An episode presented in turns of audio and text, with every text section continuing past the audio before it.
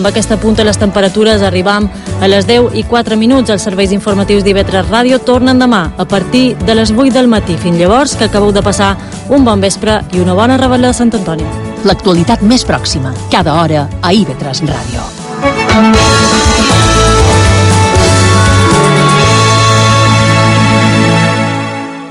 IB3 Ràdio.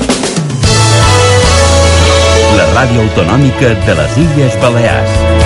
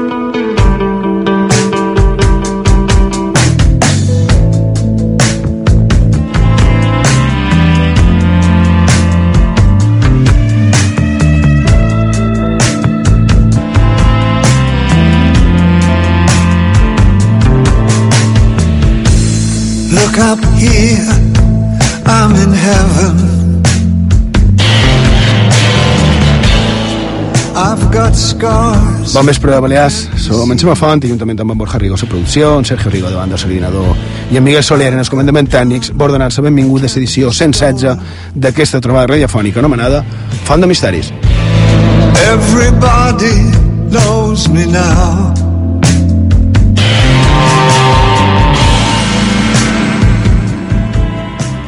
Bé, gràcies una altra vegada per vostres missatges, per les opinions, eh, dir, afegir, repetir, millor dit, que sí que és cert que la setmana passada eh, vaig quedar tot solet a les fosques i en silenci dins l'exposició de Quarto Milenio. És a dir, no va ser dir-ho per dir-ho, no va ser un parlar, va, va ser cert. També és cert que ho vaig gaudir de, de bon de veres perquè després, a més, un es posa a pensar-hi, no? mirar les fotos que, que vaig fer, penjat algunes d'elles, tant a, a la nostra web m'apareix com en el Facebook de, de Font de Misteris.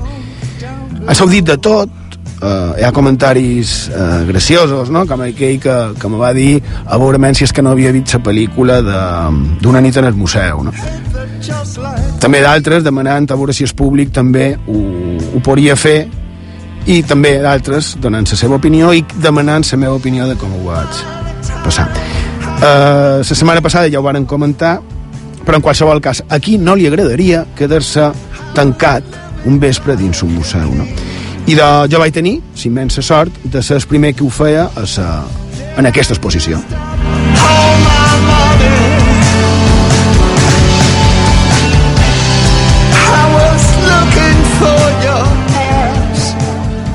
Així també demostrem que quan deim que, que hem fet o, o que farem qualque cosa és perquè realment eh, ens ho prenem en sèrio, no? I, i mos hi posam, perquè eh, és vera que de Font de Misteris som així. Mm, també me vareu demanar que com va ser que, que un arriba a ficar-se en un embolic d'aquest tipus, d'aquests i d'altres que, que n'hem fets i d'altres que tenim preparats. No? Això és com el dia que varen fer directe a, a l'hospital psiquiàtric que en Borja se'n va anar tot sol de vespre amb, una, amb un equip mòbil a l'esquena per retransmetre eh, la història d'un home que suposadament eh, es manifestava a través de la tomba en el mateix punt on antigament es trobava aquesta tomba. No? És a dir, és de font de misteris. Som així.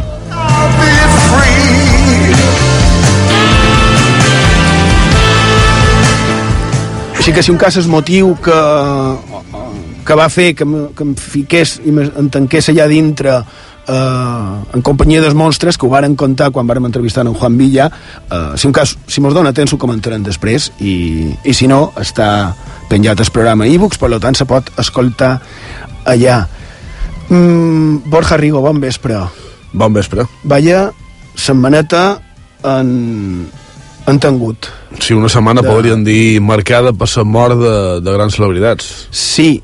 De fet, ara està sonant està sonant de fons el darrer tema d'en David Bowie, que du per títol Lazarus. M'ha sorprès moltíssim.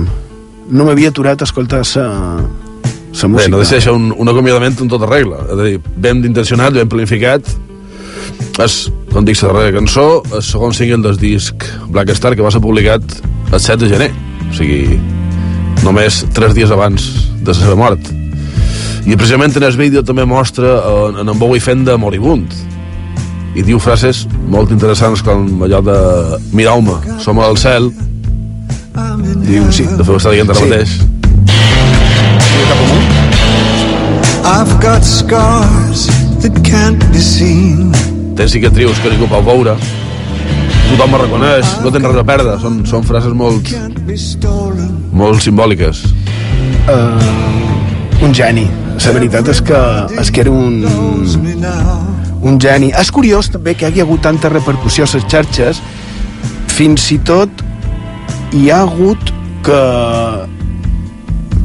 que de ser tristor ha estat a, a, a punt de prendre una decisió massa, massa radical, no? causada per la mort d'en d'en Bowie, que crec, igual estic errat, però els darrers anys mm, no se sentia parlant-ne massa. Ara, eh, eh, les xarxes un bou que tothom s'ha fet seguidor d'en d'en Bowie, que em sembla perfecte, res a dir. Està molt bé també que la gent es sensibilitzi, no? que, que quan qualcú pren el darrer camí eh, mos sorprenguem com, com, com el que és, no? Nosaltres és vera que, que Font de Misteris era un, un dels autors... A més, crec que és un dels que, juntament amb en, amb en Serrat, crec que és els que més cançons d'acomiadament hem emprat d'ell, que no solen repetir les cançons, en duim més de 100 diferents, i eh, ja, a part d'aquesta cançó que, que, que la veritat és que m'ha agradat molt, com, com es titulava, has dit? Lazarus Lazarus.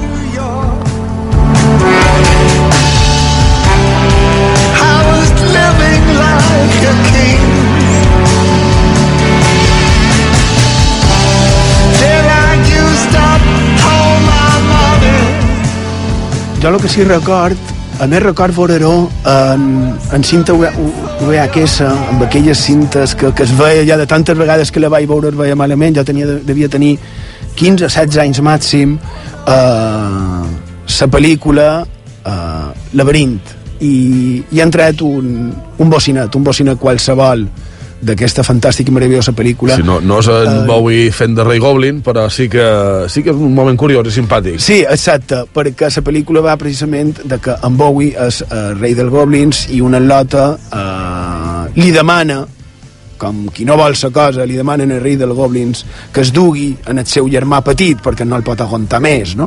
I ella després, després de dir aquesta frase, el seu germà desapareix perquè se'n va al país dels goblins i ella l'ha d'anar a cercar. I quan comença a anar al país dels goblins hi ha un laberint. Hola.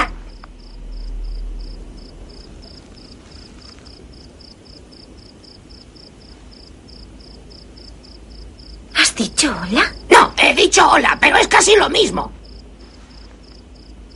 Eres un gusano, ¿verdad? Sí, eso es. sí. No sabrás por casualidad cómo atravesar este laberinto, ¿no? ¿Quién, yo? No, solo soy un gusano. Entra a conocer a mi señora. No, gracias. Tengo que cruzar este laberinto. Pero no hay esquinas, ni aberturas, ni nada. Solo sigue y sigue. Vaya, no estás mirando bien. Está lleno de entradas, solo que tú no las ves. Bien, ¿dónde está? Hay una allí mismo, justo delante de ti. No, no hay nada. Entra y tómate una tacita de té. Pero no hay ninguna abertura. Desde luego que la hay.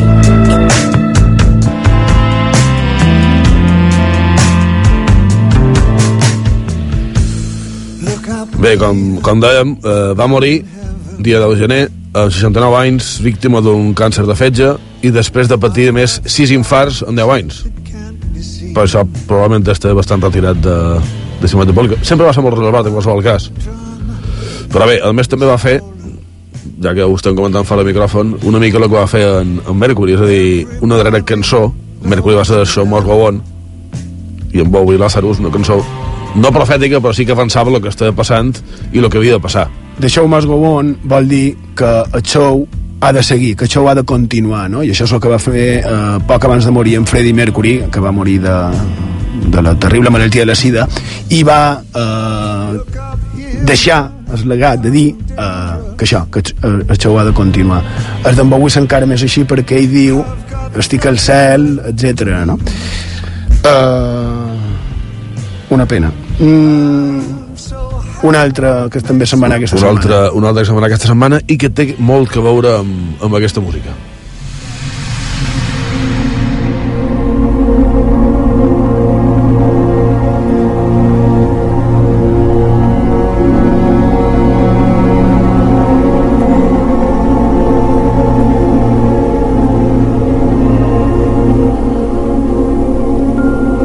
De Alan Rickman, gran, un enorme actor i conegut sobretot en els darrers temps pel seu paper de Severus Snape eh, a Harry Potter. Precisament la música que està sonant de fons és el track On Mo, en Snape dins, uh, dins la zona, per si qualcú no ho havia vist encara. Supos que Spoiler alert. Uh, sí, exacte. Uh, I ara aquí ve la part curiosa que relaciona aquest dos, uh, aquestes dos morts de, de malaltia, Borja. Sí, hi ha, Diu hi ha dues relacions. Bé, primer l'edat, tots dos tenen 69 anys, tots dos van morir de, amb mort de, de càncer, però tot això té que veure, diuen, amb un futbolista. Que aquí ja sí que uh, mos n'han d'escap. ja tots. Bé, tenc tots. per aquí una, una notícia dels diaris que diu Alan Rickman se suma a la maldición de Ramsey Qui és en Ranci i quina és la maledicció? y de, voleu una mica esa noticia, diu marcar goles se ha vuelto una pesadilla para Aaron Ramsey ya que extrañamente muchas de sus anotaciones coinciden con la muerte de un personaje famoso en el mundo. El pasado lunes ya se había vinculado su maldición con la muerte de David Bowie y ahora es con el actor Alan Rickman que murió este jueves. Sempre que en Rickman fa, vull dir, que en Ramsey fa un gol, un famós, mo, ja en van 20. De fet, tenc per aquí, crec... Sí, tenc un llistat per aquí. El llistat. Jo del llistat, saps que m'ha cridat l'atenció? Que està aquí. Uh, que justament quan fica el dia 9 de desembre del 2014 fica dos gols i se mor un senyor. I dia, el següent gol que va ficar va ser dia 11 d'abril de 2015, va ficar un gol i se moren dos senyors, en Eduardo Galeano i en Gunter Grass. Um, no deixa de ser curiós, no?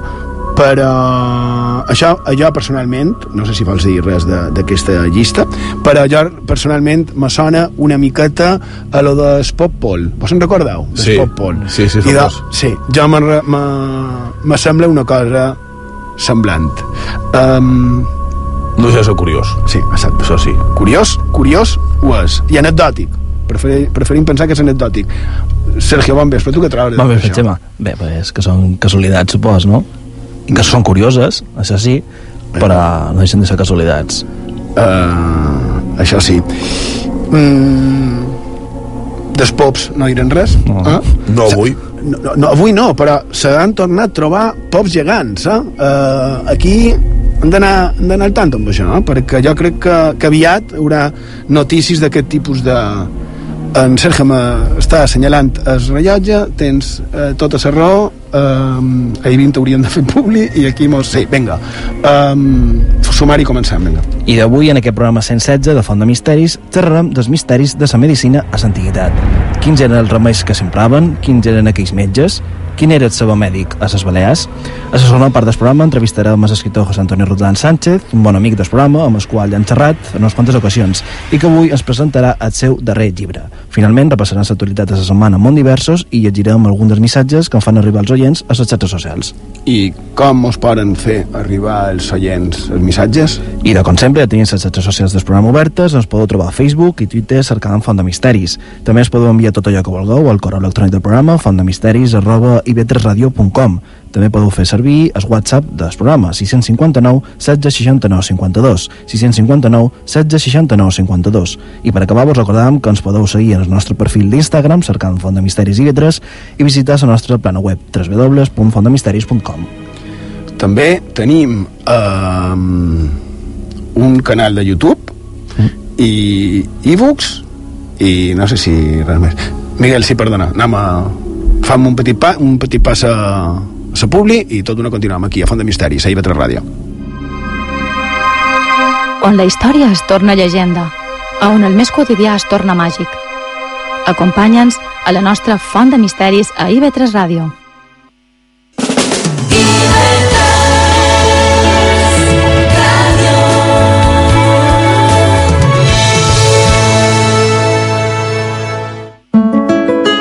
Ha un desert on l'exclusió social és un sol abraçador, on la discapacitat física o psíquica són dunes traïdores, on una tormenta d'arena cega la vista de migrants a la recerca d'una vida millor.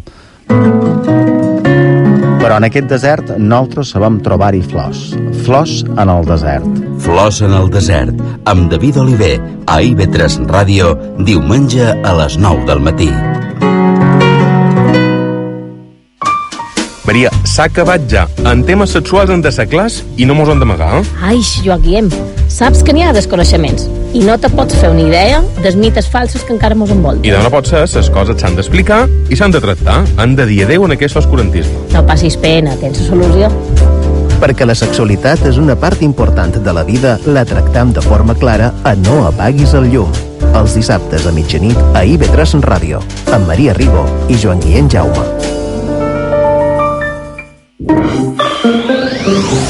Arriba a ivetresmusica.com Tots els continguts musicals d'Ivetres Ràdio al teu abast. Amb ivetresmusica.com et serà més fàcil conèixer les notícies del món musical illenc, l'agenda de concerts i les darreres novetats discogràfiques de les illes. I a més, continguts extras. Les propostes sonores de les Balears no just a la FM, ara també amb Beats. ivetresmusica.com Com vulguis, quan vulguis i on vulguis. ivetresmusica.com Te sona? Sona. IB3 Ràdio, la ràdio autonòmica de les Illes Balears.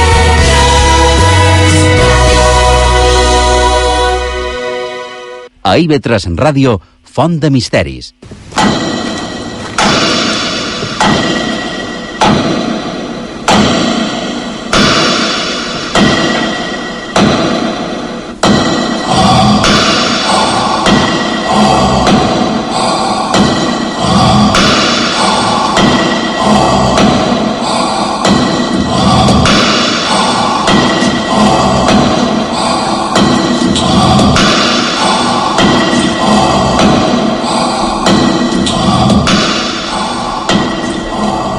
Seguim a Font de Misteris, a la sintonia IB3 Ràdio, a que mos podeu escoltar en el 88.6 de la freqüència modulada.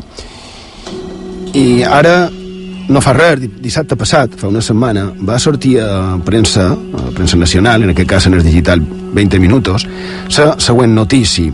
Deia que hayan una bacteria estomacal en la momia Otzi que replantea el neolítico.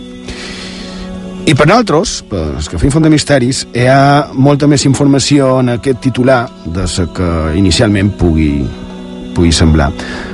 Replante, replantejar el neolític. Ja de per si és, és molt, no?, aquesta afirmació. De fet, cada poc hi surt qualcú dient que s'ha de replantejar la història. Uh, ahir mateix també va sortir uh, no sé si la tenim per aquí damunt, és que tenim tant de papers, també un mamut que va ser caçat que havia de canviar la història antiga en 10.000 anys, una altra vegada, no? Això va sortir ahir, no abans d'ahir va sortir això. O divendres, no ho sé.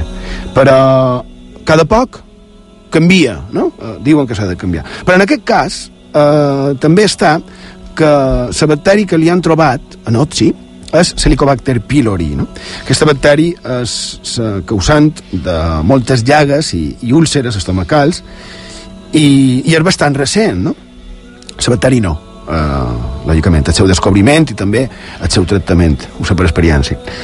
I, i un, un pensa, no? fa tant de temps que devia existir aquesta bacteri i, i com s'ho devien fer per tractar les malalties. També resulta que Notzi tenia al·lèrgies, bé, millor dit, tenia intolerància a la lactosa, cosa que també sembla tan moderna, i amb això, els de Font de Misteris, ens posam a parlar entre nosaltres, tractant de donar la nostra opinió, cadascú la seva, clar, i en el final, quan veiem que mos començam a enrotllar de tal manera, ens donem compte que, que tenim per fer un programa sencer amb aquest titular. Clar, també un comença a tenir dubtes de, de com havia de ser, que hi devia haver i com, perquè, clar, ara en el començament que he comentat lo de, lo de l'expo aquesta, eh, clar, ja hi havia mòmies, eh, xamans, a més també fa un, un programa de fa de fer dues o tres temporades, no, no en record quan va ser, varen parlar també de Notzi, en aquests micròfons, que per cert ho vaig trobar faltant aquesta expo, un racó dedicat uh, a aquest home, no? Ara, ara parlarem de qui era Notzi.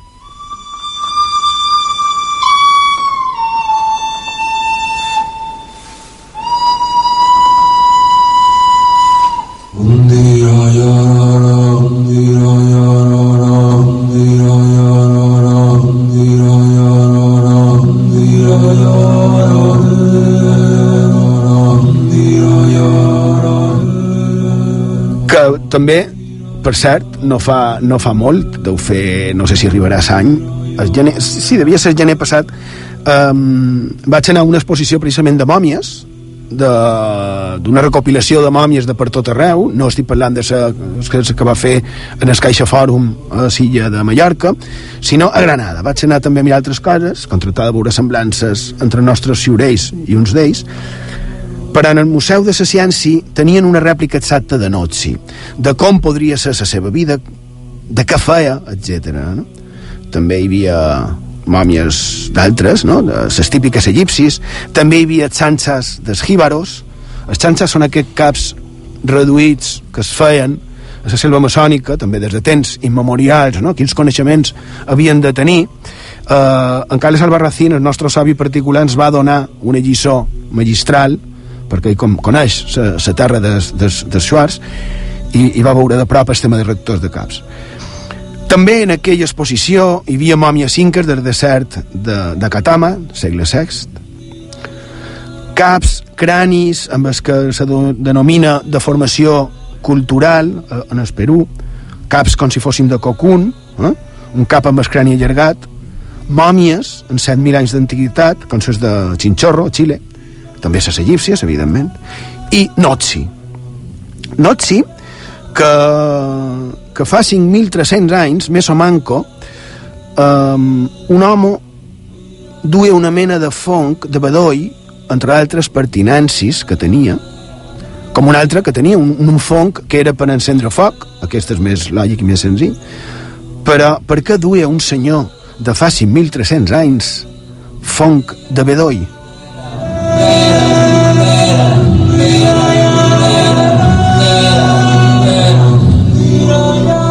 Hi ha qui diu que era perquè era una mena de... com, com un curandero. La meva humil opinió no és així. Aquest home, no saben res d'ell, només que, que el varen trobar mort un glaciar entre Àustria i Itàlia l'any 1991 i duia, calculen, 5.300 anys mort.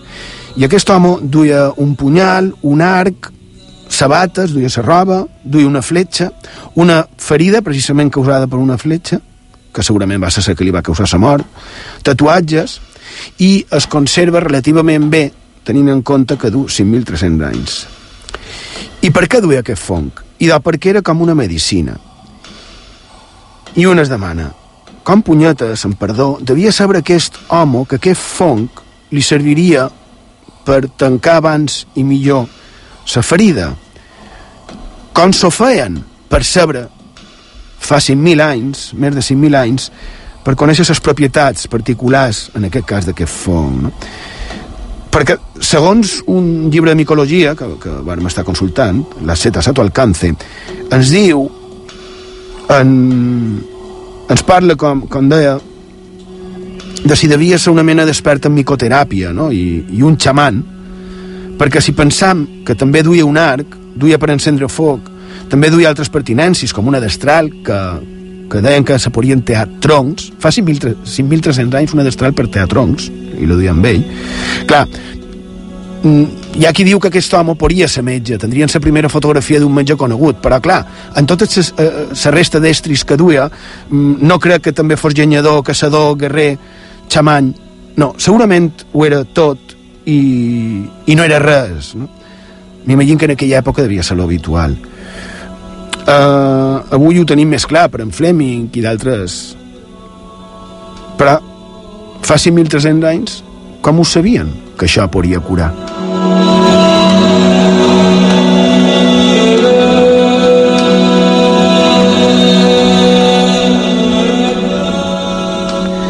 més que res perquè aquella primigènia medicina 5.300 anys dèiem que són molt d'anys per saber les propietats particulars d'un fong, simplement, no? Està clar que ho devien fer per assaig raó, però quan els resultats són lents, van a poc a poc, com una mena d'antibiòtic, no? I a més també, com ho devien fer per transmetre-se entre ells la informació?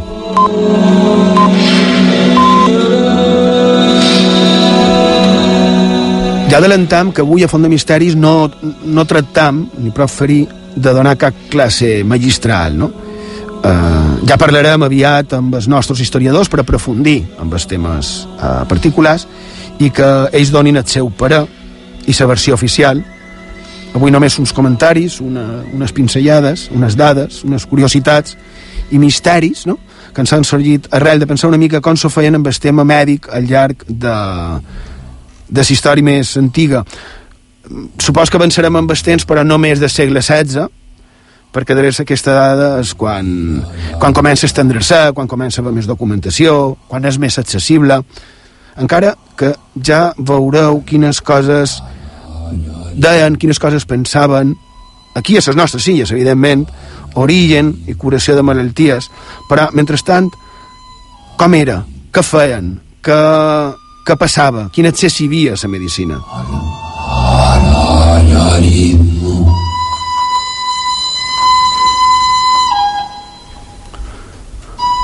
Borja, ens podries explicar què estem escoltant? Perquè de tant en tant estic sentint uns renaus que em diu què estem escoltant. I doncs estem, estem escoltant un, un artista espanyol que se diu Neonimus i això és un concert eh, en el qual recrea una mica precisament els possibles sons de la prehistòria i com devien cantar i com se devien moure aquelles, aquelles persones. A més, és un concert ben curiós que se va fer fa un parell d'anys dins el Museu de l'Espanya Màgica d'en Jesús Callejo a Toledo.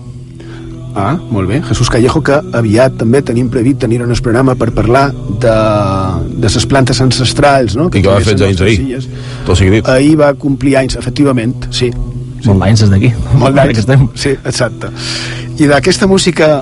Eh, com dir-ho, no? que ens ve d'antic no, perquè és actual però que està basada en com podria ser tal vegada la música en els temps és molt adient perquè precisament mos nam enrere en el temps. Hi haurà gent que no li agradarà l'afirmació que, que ara llegiré damunt la nostra prehistòria perquè el pare Llompart, en Gabriel Llompart, a la història de Mallorca aquello que va coordinar amb Mascaró Passerius, volum primer, pàgina 262, diu Querríamos saber del primer hombre de la prehistoria mallorquina mucho más de lo que sabemos actualmente, pero las piedras callan. ¿Dónde están sus poblados? Porque ordinariamente las cuevas mallorquinas son funerarias y se presentan asociadas en cementerios. I la veritat és que a part de les costums mortuàries i d'enterrament, poca cosa més se sap, no? Crec que després, si ens dona temps, parlarem una altra vegada d'unes coves mortuàries molt interessants a Menorca. I també, precisament, referit a, lo, a això mortuari, tampoc és que sàpiga massa cosa. Hem de parlar d'aquests ritus mortuaris, aviat ho farem. La doctora Vázquez ens va donar unes pistes que, que estem tirant d'elles, Menorca, precisament. Però, si ho pensam, ben segur que no tenim realment ni idea de per què es varen fer les famoses taules, no? O, o per exemple, ara fa d'haver un mes es va trobar la cantera d'on se treia la pedra per, per Stone Age, no? en, el, en el Regne Unit. i ara s'han trobat d'on se treia les pedres. Mireu si, si manquen dades, no?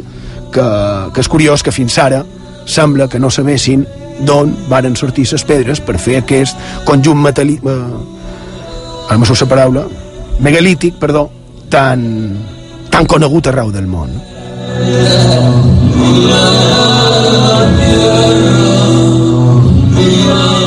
Se suposa que, per exemple, en la naveta d'estudons i, i d'altres jaciments mortuaris tenim més o manco clar que la seva espiritualitat anava cap a la confiança o la creència de, de la pervivència de, de l'ànima, no? Si no, tots els ritus funeraris no tindrien gaire sentit. I, i les restes que s'han trobat en els jaciments que no han estat espoliats abans, clar, hi ha una manca de dades. Eh, és normal, perquè mm, el tema que mos toca avui, normalment no s'hi troben restes que siguin referides en el tema mèdic. En Notsi, aquesta mòmia que han dit tenim que sí, perquè, clar, se va quedar tot congelat, però aquí, a les nostres illes, trobar una bosseta de pell, que era la que deia Notsi, amb qualque substància a dintre, clar, és difícil que, que aguanti des de fa 3, 4, 5 mil anys fins, fins avui dia. Ara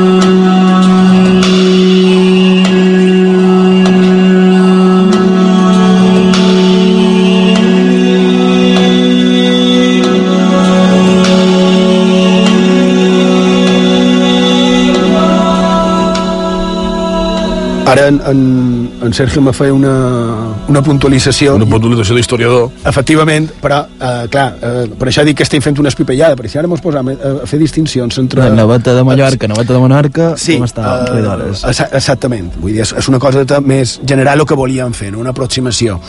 Um, encara encara que, efectivament, eh, però sí que s'han trobat certes restes que ens donen a pensar que sí podria haver qualque tipus de pràctiques mèdiques en el que actualment és la nostra comunitat. Faig referència a evidències físiques, evidències que han quedat a les restes humanes trobades a les nostres illes. Com són, per exemple, les trepanacions. Aquí hauríem de saber primer què, és, què són les trepanacions, quins casos més eh, coneguts tenim eh, a la història, Borja Rigo? I de bé, eh, la qüestió de ses, de les trepanacions, que dit així aviat seria fer un forat de la closca. el gràfic per a, per a no ser això. Uh, bé, sincerament constitueix un, un enigma per, per arqueòlegs perquè bé, la part mèdica pareix, sí, fonamental dins d'aquesta pràctica, però no acaba d'estar clar perquè va començar i perquè se feien tant en persones vives com en persones mortes, que això també és curiós. El que sí se sap és que comença a practicar-se eh, a una època de la prehistòria, com és el neolític, en Servandell, és a dir, entre fa uns 4 4.000 i 2.400 anys, més o menys seria. Però una altra hipòtesi que mos diu, el manco així va sortir publicat a la revista Nature, ara fa quasi 20 anys, en 1997, que aquesta tècnica va començar al manco fa ara 7.000 anys, segons eh, s'adueix d'unes restes trobades a, a Alsàcia, a, a França. En aquest cas, se tracta d'un crani que tenia dues perforacions que, se, va, que se varen fer amb la persona viva. Però, en, es, en relació al tema concret de les, de les trepanacions, m'agradaria, si voleu, comentar un tema, un cas que és modern, no és un cas clàssic, però que segurament sorprendrà més a més d'un. Per tant, de 4.000 anys cap enrere, cap estem enrere. parlant, eh? Que ja feien uh, com has dit, forats a la closca. A la closca, sí. uh, que, en què mos sorprendràs ara?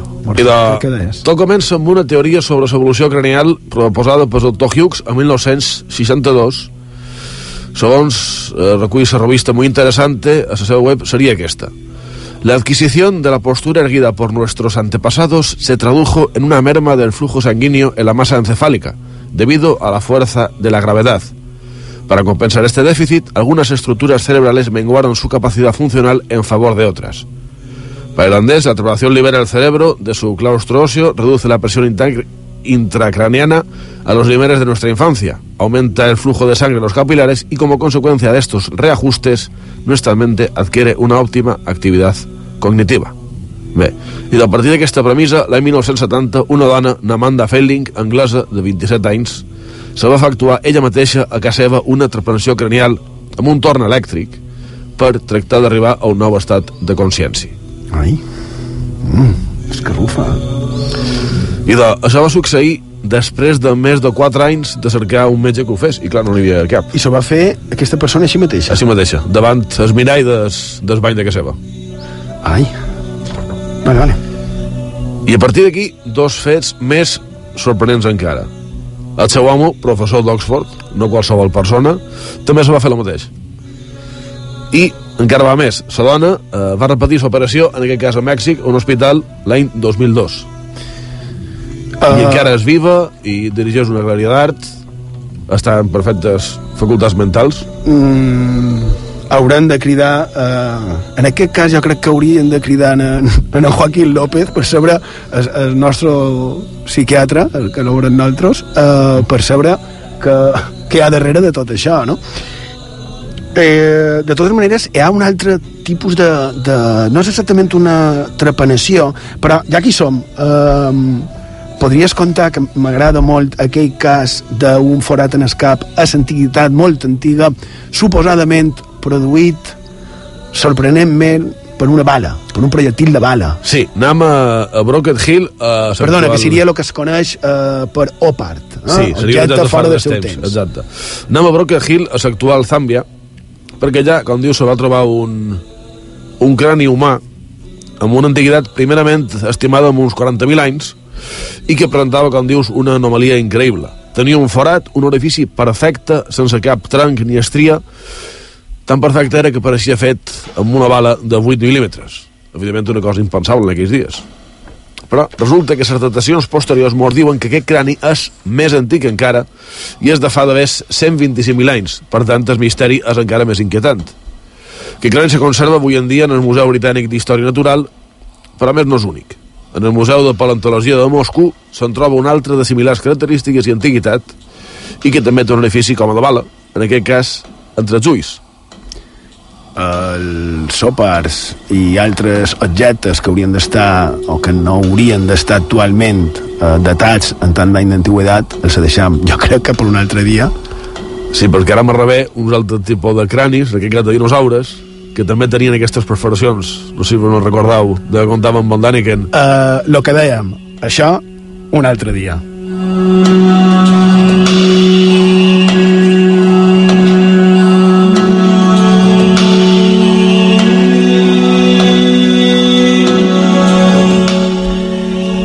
Trepanacions. Eh? Uh, això parlam avui, trepanacions. Aquí eh, estem d'acord amb el que diu eh, el doctor Tejerina a la seva història de la, de la medicina en Mallorca referit a la semblança que hi havia entre, entre un sacerdot no? i els que tractaven de, de curar ja siguin curanders, eh, senadors, fetillers o posem-li el nom que vulguem el que sí està clar és que aquí a les nostres illes fa molt de segles ja es feien forats eh, a les closques, com diuen Borja, en els cranis humans, en diverses finalitats o motius, però fer-se es feien.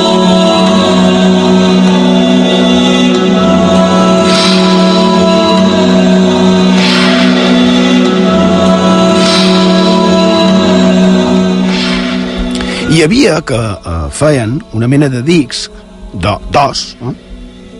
segurament amb finalitats màgiques, però aquest disc que treien de- d'un crani humà es feien normalment una vegada mort. Eh? És a dir, agafaven el cap d'un mort, li feien un forat en el crani, li treien un disc d'os amb els que es feien una mena de, d'amulets. I això fa uns milers d'anys aquí, a les nostres illes, també altres indrets, com a la península, però també hi havia altres que el que feien era fer forats en el cap, en el crani, per tal de lleujar o curar malalties. migranyes, cefalees eh? i, i semblants, es suposa que eren, tal vegada també podria ser per motius d'altres malalties, com serien les psiquiàtriques, encara que tampoc, en aquest cas, en cas de que fossin psiquiàtriques, no haurien de deixar de banda que els antics pensaven que l'activitat mental era en el cor, no en el cap com a tal, no? Ja si encara després ho comentam, això.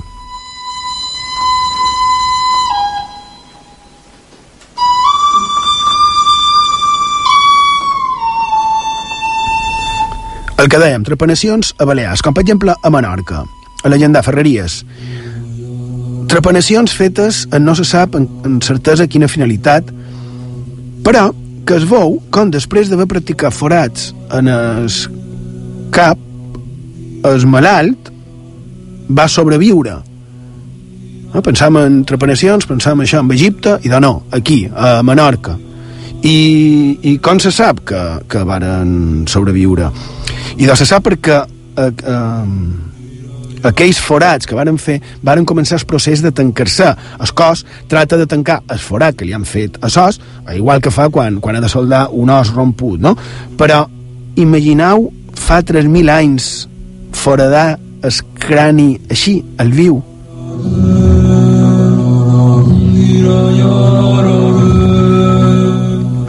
Després, com dèiem, hi ha els casos aquí que s'hi treia un disc, no?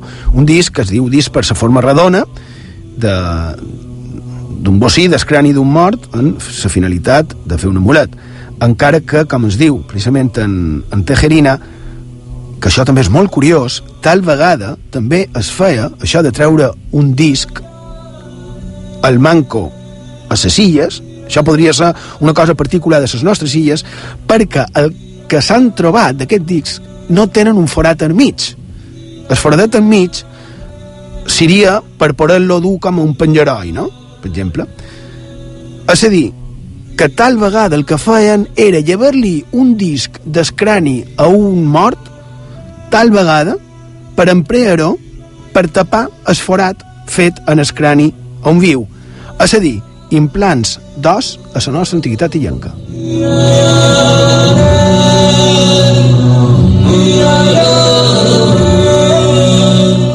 Aquesta part, la veritat és que ens ha semblat molt interessant per, per la part de quin, quina, quin avanç, no? Uh, la medicina de, de fa, no ho sé, 3.000 anys, i quina ocurrència, també. Uh, a Perú, que és terra plena d'enigmes i misteris, però uh, allà s'han trobat diferents, que és uh, plaques d'or. Empraven plaques d'or per tapar les les trepanacions. Um, aquí tal vegada, bocins d'os per, trapar, per taponar una trepanació. Però per quin altre motiu podrien fer-se aquests forats en, en els caps? I encara que altres opcions, fer un forat en el crani podria ser que es fes per poder extreure, atenció, la massa encefàlica amb una finalitat esgarrifosa, amb una finalitat neurofàgica.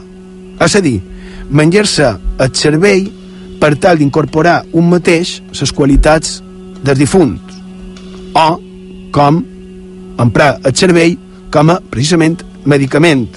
Uh, per exemple, en el Japó se pensaven que fent això es curava la sífili.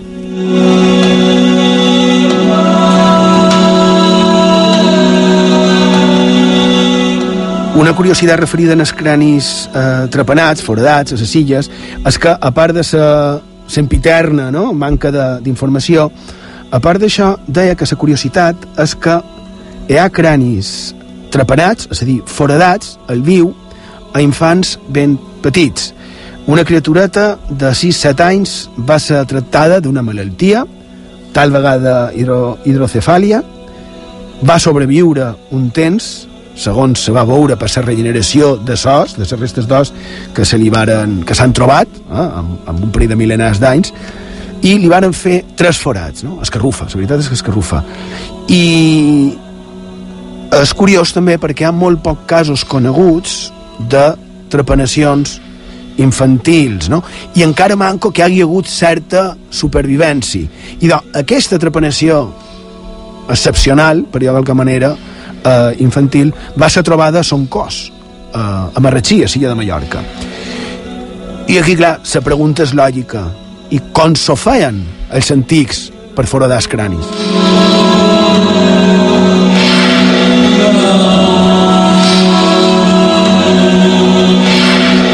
I de sempre, segons el llibre d'Història de, Història de la Medicina en Mallorca, volum primer, pàgina 35, es feia mitjans barrenado, legrado y la incisión. Los instrumentos empleados debieron ser piedra, puntas de sílex, obsidiana, Luego ya en el en neolítico serían de cobre para luego pasar al hierro. La técnica del barrenado se realizaba con un, con un instrumento puntiagudo al que se le imprimían movimientos de rotación. El legrado, lascado, rascado, abrasión se practicaba con un instrumento de superficie plana, granujienta, como una lima. El método de la incisión requería el uso de un buril que se desplazaba en sentido lineal o curvo.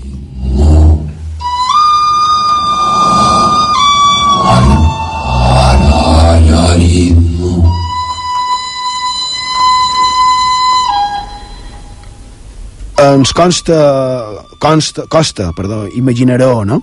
Com, com s'ho feien, què feia l'individu en el que li foradaven el crani mentrestant, quina part hi havia de, de medicina com a tal i quina de màgia en aquesta idea de fer forats en, a, en el cap. Uh, fem una petita pausa i tot d'una continuem aquí, a Font de Misteris, a IB3 Ràdio.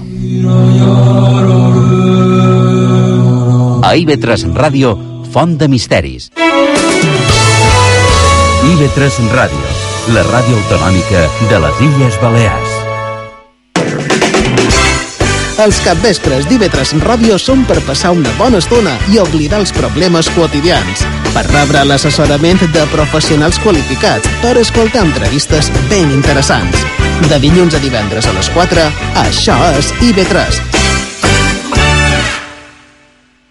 Un no és d'allà on neix, sinó del lloc que estima. A partir del dilluns, de 8 de gener, a les 8 del vespre, sé, escèptica, empírica. els sons, La tinta m'empastifa els dits, les veus, de Serra de Tramuntana, de la mà... Es una comedia sobre relaciones de pareja. els protagonistes Mite i realitat se mesclaven. Ens atracam un poc a la vida de David Prowse. i les emocions amb de la cultura. El retrat ideal de l'home absolut. Monkey Man. Monkey Man. A Els entusiastes. El nou programa de cultura d'IV3 Ràdio. IB3 Ràdio. La sents? Un no és d'allà on neix, sinó del lloc que estima. A partir del dilluns, de 8 de gener, a les 8 del vespre, sé, escèptica, empírica. els sons, La tinta m'empastifa els dits, les rones. les veus, De Serra de Tramuntana, de la mà... Es una comedia sobre relaciones de pareja. els protagonistes Mite i realitat se mesclaven. Ens atracam un poc a la vida de David Prowse. i les emocions amb de la cultura. El retrat ideal de l'home absolut. Monkey Man. Monkey Man. A Els entusiastes. El nou programa de cultura d'IV3 Ràdio.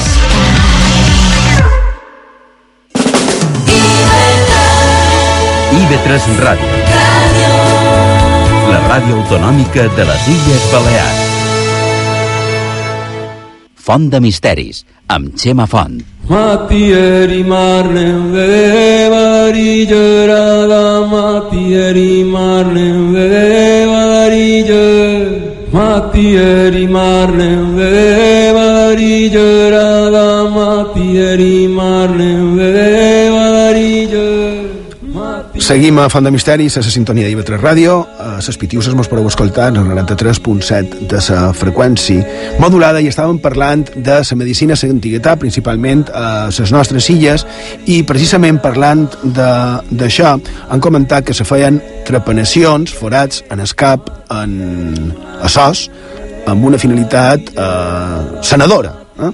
I la pregunta com s'ho feien una persona viva per fa 3.000 anys, per exemple, per fer-li un forat eh, en el cap. I seguim amb el doctor Tejerina i el seu llibre d'Història de la Medicina, en, en Baleares, en Mallorca, història de la medicina en Mallorca, volum 1, i eh, segons ell, a les illes, el que eh, se devia fer probablement era dormissar amb cascall, o amb belladona i, i semblants, no? que són aquestes plantes que eh, adormissen. No? Es, I així mm, aconseguien que eh, el pacient, aquesta persona que li havien de fer es forat en el crani, estigués una miqueta, i d'això, adormissat. No? Però també parla, també parla de la possibilitat de tècniques hipnòtiques. Eh, o sigui, és possible? Penseu que és possible, mitjans hipnosi, aconseguir trepanar, és a dir, foradar el crani humà i que el pacient no es remeni tot? O sigui, quines, quines tècniques s'haurien de, de tenir? Com, com veiem, surten molt de temes eh, relacionats amb aquesta introducció que, que estem fent avui en el tema, no? En qualsevol cas, el que sí és segur és que manco la meva opinió, no? supos que en Borja i Sergio estiran d'acord, la capacitat dels antics per resistir el mal no? devia ser molt superior a la, a la nostra. I per què es devien deixar fer aquestes trepanacions eh, en vida, no? I de, segurament, sempre tot són suposicions, que aquí ningú ho sap del tot cert, però segurament per haver comprovat que a altres els hi va anar bé, no? Varen sobreviure i tal vegada es trobaven millor. Si no, no tindria massa sentit, no? a menys que aquestes trepanacions eh, es fessin forçadament, no? sense tenir la voluntat de, del pacient, que encara que hagin passat 3.000 anys, jo prefereixo no pensar-ho.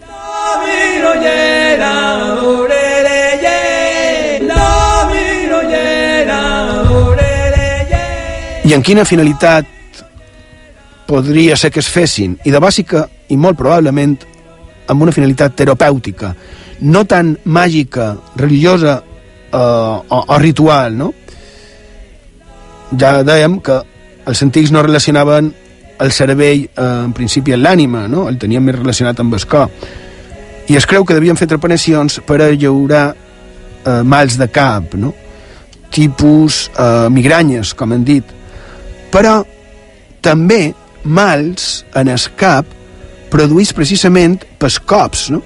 Originats a bregues, baralles, lluites, eh, accidents. No?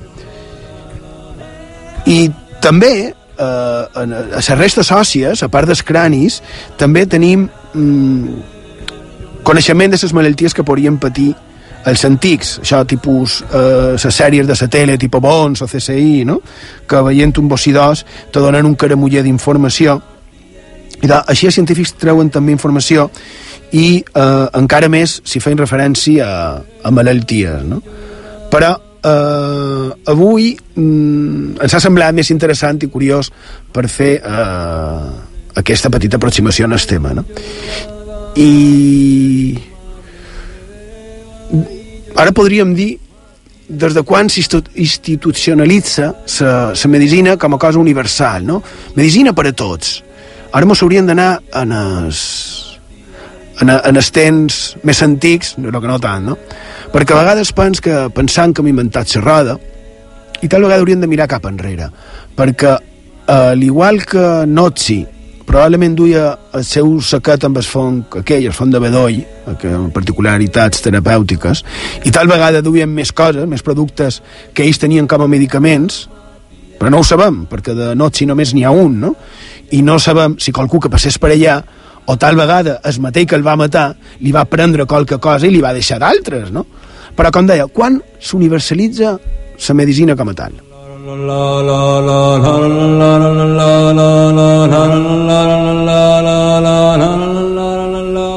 I de des de quan tal vegada no ho sabem. El que sí sabem és que dia 31 de maig de 1420 eh, el rei Alfons el Magnànim firma una Real Ordre a Mallorca que diu textualment Real Orden mandando que los médicos y cirujanos estén obligados a visitar y curar a todos los enfermos pobres siempre que ellos se lo pidiesen, sin honorarios, ni premio o interés alguno.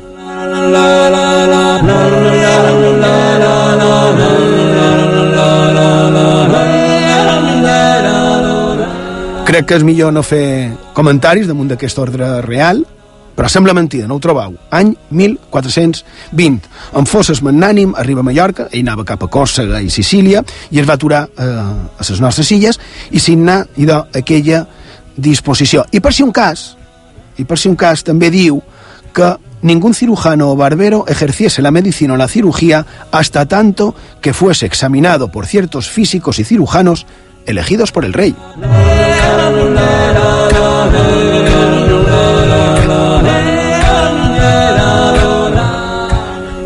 I aquest Alfons, ja que era, va signar més coses, com per exemple la prohibició de moure bregues i d'emprar armes, coses bastant bàsiques. Que aquestes no van anar tan bé. Uh, no, i mira que són bàsiques, eh, les tres que, que han dites, però han passat uh, 600 anys i, i hauríem de, de recordar-les. Les tres que han dit haurien de recordar, no?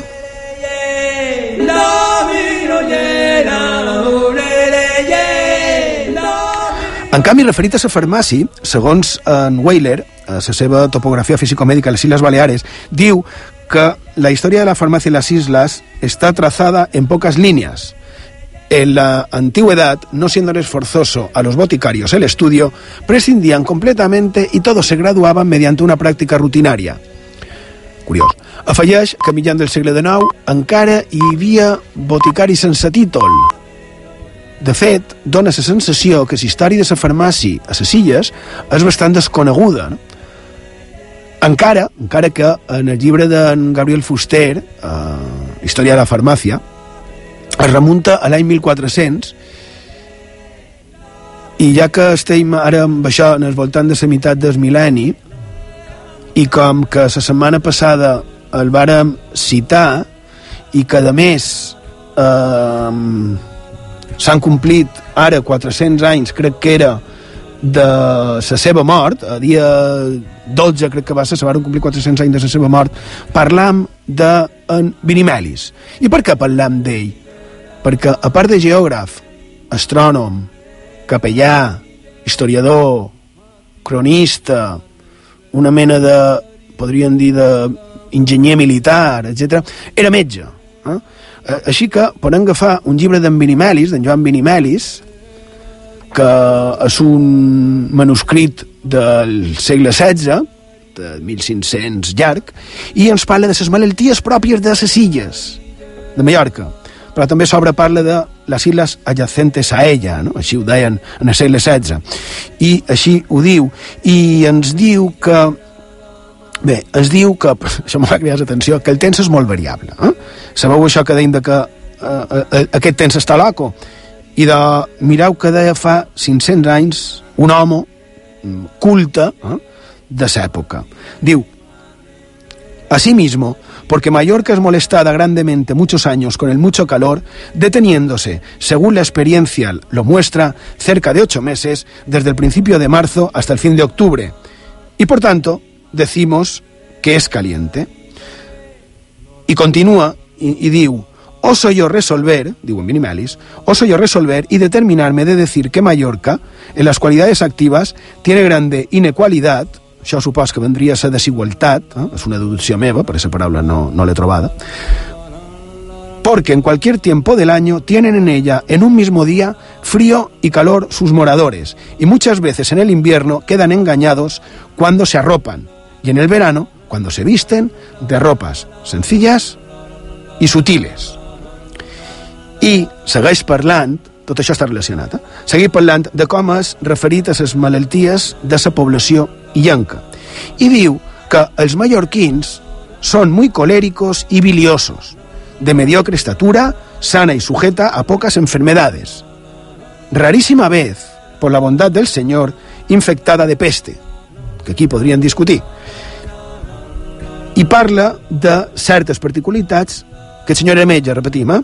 que són, com a mínim, sorprenents. Com, per exemple, quan diu que hi ha una malaltia que ataca en els mallorquins, que són les fiebres tercianes, que això està causat perquè son los mallorquines de su natural coléricos, de hígado caliente y porque accidentalmente tienen los estómagos muy húmedos por ser tan grandes bebedores de agua, pensando por esta vía mitigar y corregir el gran calor del hígado que se engendra por eso en ellos, copia grande de humor pituitoso. I això provocaria aquestes febres. I, i així com ho deia, jo penso que devia ser convincent, no?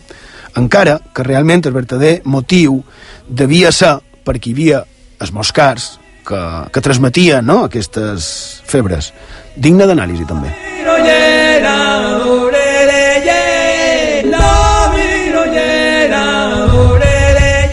Una altra febre que cita i que ens explica aquest metge del segle XVI és la febre èctica. És una malaltia greu, mm, la simptomatologia eh, d'aquí el, el seu nom és que són febres que pugen i baixen molt aviat.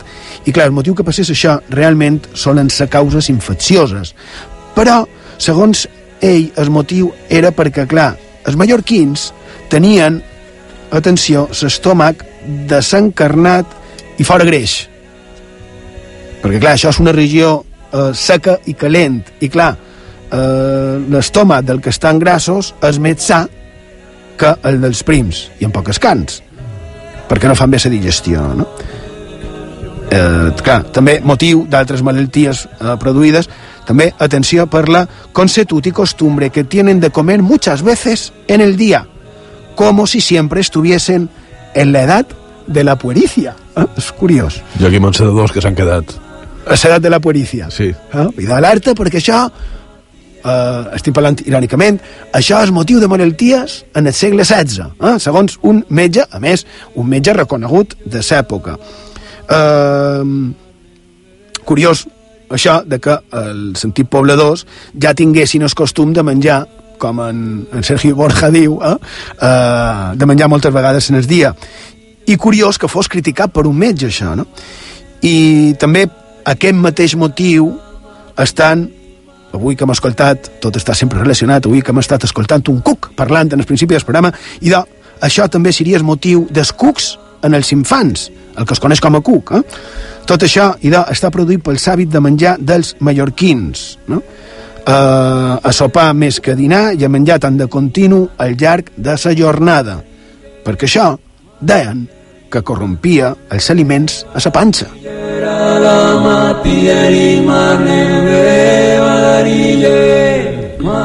Ens parla d'altres malalties semblants i després també d'altres diferents, com per exemple el esputo de la sangre, por causa no solo de la sangre colérica, ¿eh? sino por estar la tierra toda circuida de mar, y como este accidente no se puede tan fácilmente remediar, causanse luego úlceras en los pulmones y en las partes carnosas de los pechos.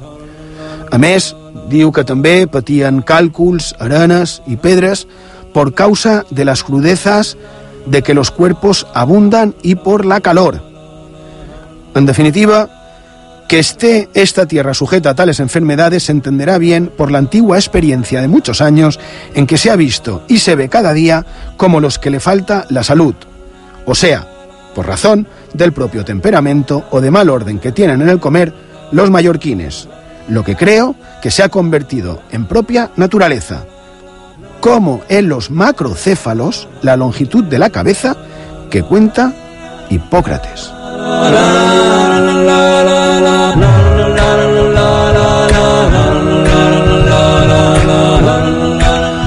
Això dit al segle XVI. Mm, resum, el, el manco des del meu punt de vista és un resum dels forts primers segles de la nostra era on sembla com si haguessin donat passes enrere no? amb els coneixements així que poca cosa se sap de la medicina a l'antiguitat de les illes encara que sí que quan un cerca troba coses sorprenents com, per exemple, cercant, cercant han trobat la presència cèltica a Menorca i en teoria fins al segle IV de la nostra era clar, quan un parla de celtes i semblants se'n ve al cap una figura no? en, en panoràmics d'Anasteris Jovèlix eh? una mena de savi, de religiós, de xaman, de metge, de boticari, que també curava els membres de la seva comunitat. I a un, un li ve també al cap la religió, la creença cèltica com una cosa, com dir-ho, no? molt new age, com a molt ancestral, de molt bon rotllo. Imaginem un druida pels boscos, principalment a usines, també d'altres, de, de, de, arbres, o sigui, boscos de freix, de teix, i, i tenim els, en el personatge, en la seva fals do, agafant plantetes i vesc, el muérdago, eh, que és com se coneix en castellà, molts d'usina, també, i fent rituals magis relacionats amb la natura. Està clar, vivien a la natura, no, no hi havia altra cosa. Però me va cridar l'atenció, tornem en el pare i en part, druides, celtes, no? i ens parla de la seva possibilitat d'haver estat establerts a Menorca. Això ja ho deia en el segle XIX en Juan Ramis Ramis, però referit en els celtes ens la tradición escrita nos certifica a sí mismo de los sacrificios humanos de los celtas. Las cabezas de los enemigos eran clavadas como si se tratara de trofeos de caza en la puerta de las viviendas o bien eran preparados los cráneos para beber en las grandes fiestas.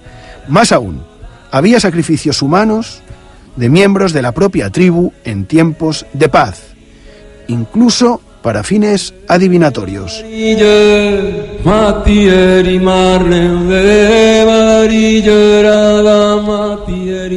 En principi, un no s'ho espera, això que acan, acaben de dir de la cultura o de la, de la tradició cèltica. Bé, no s'ho espera, o sí, no? Mm, també hi ha un opuscle d'en Bové, d'en Joaquim Maria Bové, que no l'hem pogut mirar encara, que es titula, atenció, atenció, referit en els druides, també referit en els egipcis eh, i a la nostra antiguitat. Quasi res.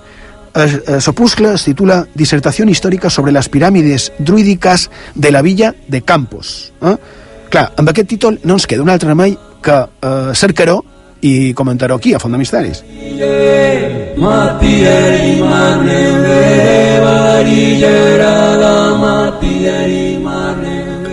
De totes maneres, si hem d'ampliar eh, aquest tema des, des druides, no? i de, els druides també entesos com a, com a senadors, metges, eh, fatillers, curanders, no ho sé, però a les nostres illes haurien d'anar a la Història General del Reino de Mallorca, volum 2, de 1841, però, no, abans, abans Història de Menorca, d'en John Armstrong, edició 1978, aquest senyor era un anglès que quan la dominació britànica va fer un recull històric de, de la nostra illa, no? I ens parla d'això, dels druides i de les seves construccions, de les seves edificacions. Segons ell, estem parlant de mitjan del segle XVIII, 1756, fa referència a altars menorquins, les taules, ¿no?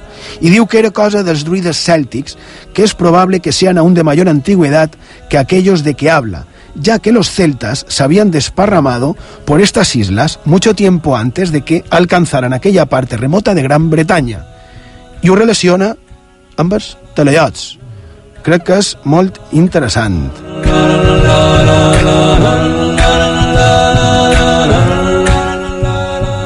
Deia lo de la, la història de Mallorca, volum 2, pàgina 626, els autors afirmen que encara que en Vinimelis, del que hem parlat fa un moment, fos un crèdul i parlés de llegants, perquè també Vinimelis parla de llegants, encara que avui no ho hem dit, eh, els, deia Vinimelis que els gegants varen ser els que varen fer estaleats. Eh? I d'ahir s'afirmen, aquests autors, que els druides foren els seus artífecs. Eh? Els autors d'aquestes piràmides, així les anomenen. Les daten en 28 segles, diu que hi ha diferents eh, edificacions i que els celtes vengueren a les illes de vers l'any 900 abans de Crist. Si te sembla, Borja, ja veuré una miqueta d'aigua i tu contes una mica el tema cèltic, druídic, la seva medicina i, i, i, i anirem acabant ja. Perquè... I de, i de sí, dins, dins el món cèltic, com dèiem, fascinant, llegendari, destaca la figura del druida. I, com tu fa un moment, tothom pensa tot d'una amb, amb, amb panoràmics. Panoràmics, amb les seves olles plenes de brevatges estranys, o també, un que era més famós, amb el mag Merlin, que seria també una espècie de, de druida que fa de mestre de, del rei Artur, molt vinculat amb aquella tradició. Bé, entre ells, segons pareix, el desenvolupament, podríem dir, de les arts mèdiques eh, no va deslligat de la màgia, evidentment, però se centra essencialment en, precisament, la prevenció de les, de les malalties. Encara així, quan es mal, quan l'enfermedad se presentava, feien ús de, sobretot, herbes i plantes. Entre elles, per exemple, eh, la puslatila, el mus d'ago, que és una espècie de, de verdet molt particular. Totes plantes eh, habilitats i propietats curatives, màgiques, misterioses. Però ara xerrava de fa un moment de ses... i tu també xerraves de les figures druídiques arquetípiques i resulta que els druides se classificaven en tres tipus diferents. Una banda serien els, els bards, que serien eh, el nivell més baix, per així dir-ho, els bats o bates, que serien precisament els encarregats de recollir els sabres sobre medicines i mals, i els druides com a tal, que seria la tercera categoria, la categoria més alta, i que estaria encarnada per aquests personatges tan, tan arquetípics, tan famosos que dèiem. Eren, per cert, aquests druides, els del tercer nivell, els únics de tot el poble celta que podien travessar territoris habitats per clans rivals sense dur armes. No se podien fer absolutament res. Se, respectava, se respectaven entre ells. Completament. Eren una autoritat, eren, eren semidivins, per tant no se podien fer absolutament res. Però, tornant a la medicina, el poble celta qualificava les malalties... Perdona, ara anava a fer una gràcia en la rivalitat, de, rivalitat de, dels pobles insulars, però no la faré.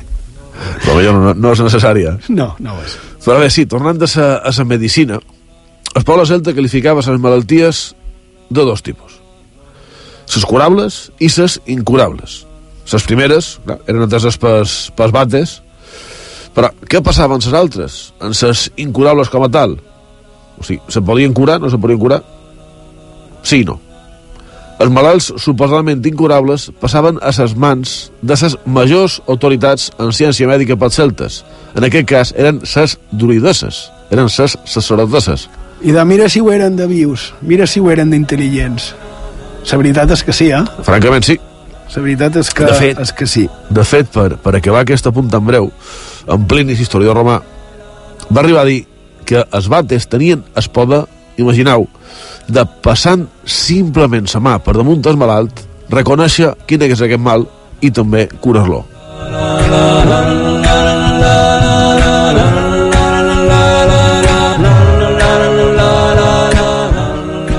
I dèiem que hem parlat dels druides per la possibilitat de que eh, les nostres illes no tan sols haguessin estat visitades, sinó que eh, els teleots haguessin pogut estar fet per, per ells, no? segons certs escrits que així ho diuen. Avui hem tractat de, de fer un, una mica d'espipellada, eh, breu, era la idea, damunt de la medicina, les nostres illes, la antiguitat.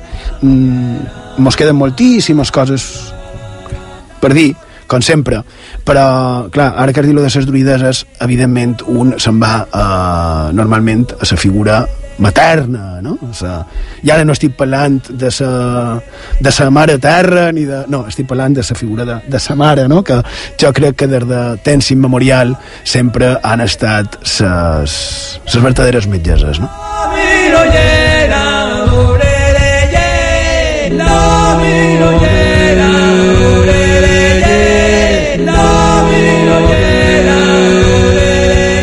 A IB3 Ràdio, Font de Misteris, amb Xema Font. IB3 Ràdio, la ràdio autonòmica de les Illes Balears.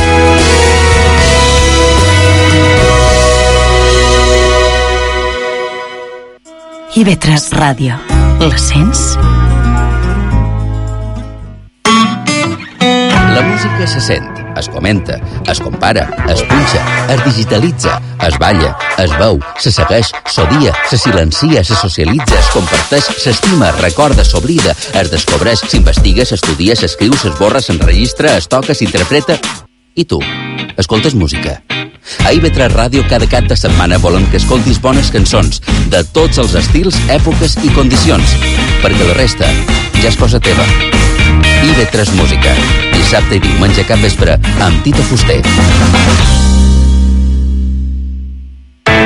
A IB3 Ràdio volem més informació.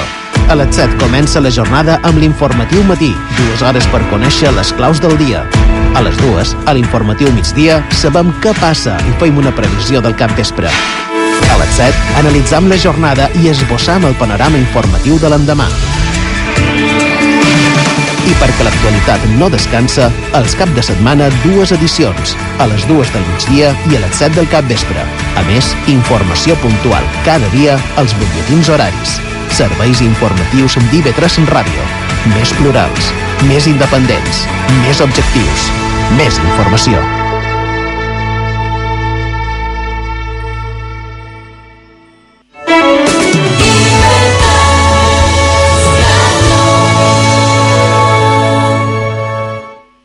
Font de Misteris, amb Xema Font.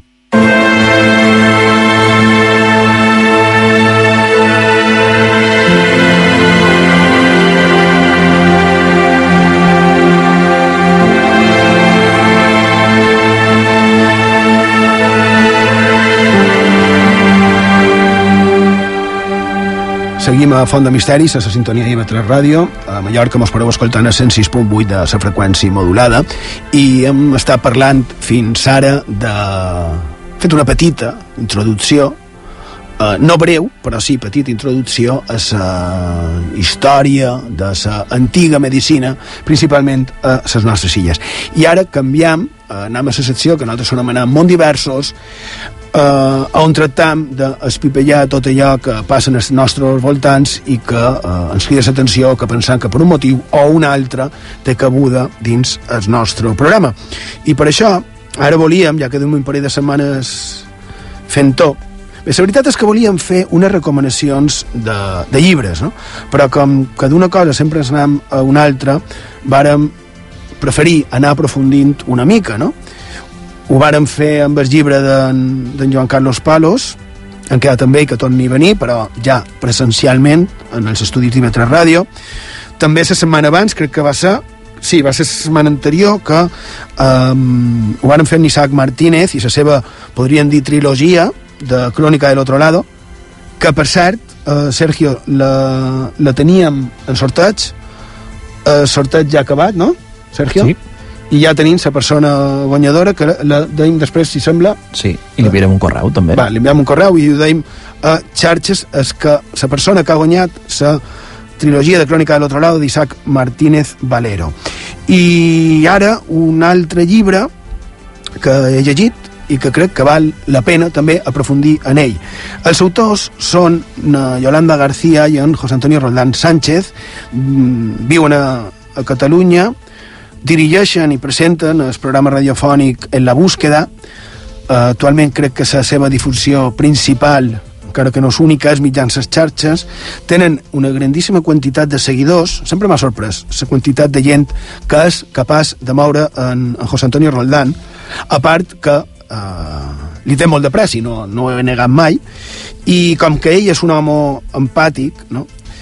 eh, aconsegueix una cosa, per jo, que trobo que és difícil, quan és sincera, en el món del periodisme, no? en el món d'allò més estrany més desconegut, que és aconseguir testimonis de gent que vulgui eh, a canvi de res, no? contar les seves experiències. I ho ha aconseguit mitjans el seu programa radiofònica, radiofònic, però també fora del programa. I la veritat és que quan un sap la quantitat de testimonis que semblen sincers i desinteressats que li arriben, té, podríem dir, una miqueta d'enveja, no?, per la gran quantitat. I, I a més, el que han fet en, en Yolanda García i en José Antonio Roldán, original que són, han estat recollir un grapat d'ells en un llibre que es titula En la búsqueda, testigos protagonistas del, del misterio. I a part d'això, en José Antonio Roldán té altres llibres publicats, aquest crec que és el quart. Ara, si un cas, eh, el tenim, Miguel? Tenim, sí, i de, si un cas que ens ho conti ell mateix. Uh, José Antonio Roldán, bon vespre, buenas noches, benvingut Hola, a buenas de noches. Misteris. Hola, buenas noches, Chema. Un gustazo estar otra vez aquí. Bueno, un saludo a todos tus oyentes y a los colaboradores del programa. Eh, estoy muy contento de volverte a tener en Font de Misteris. José Antonio.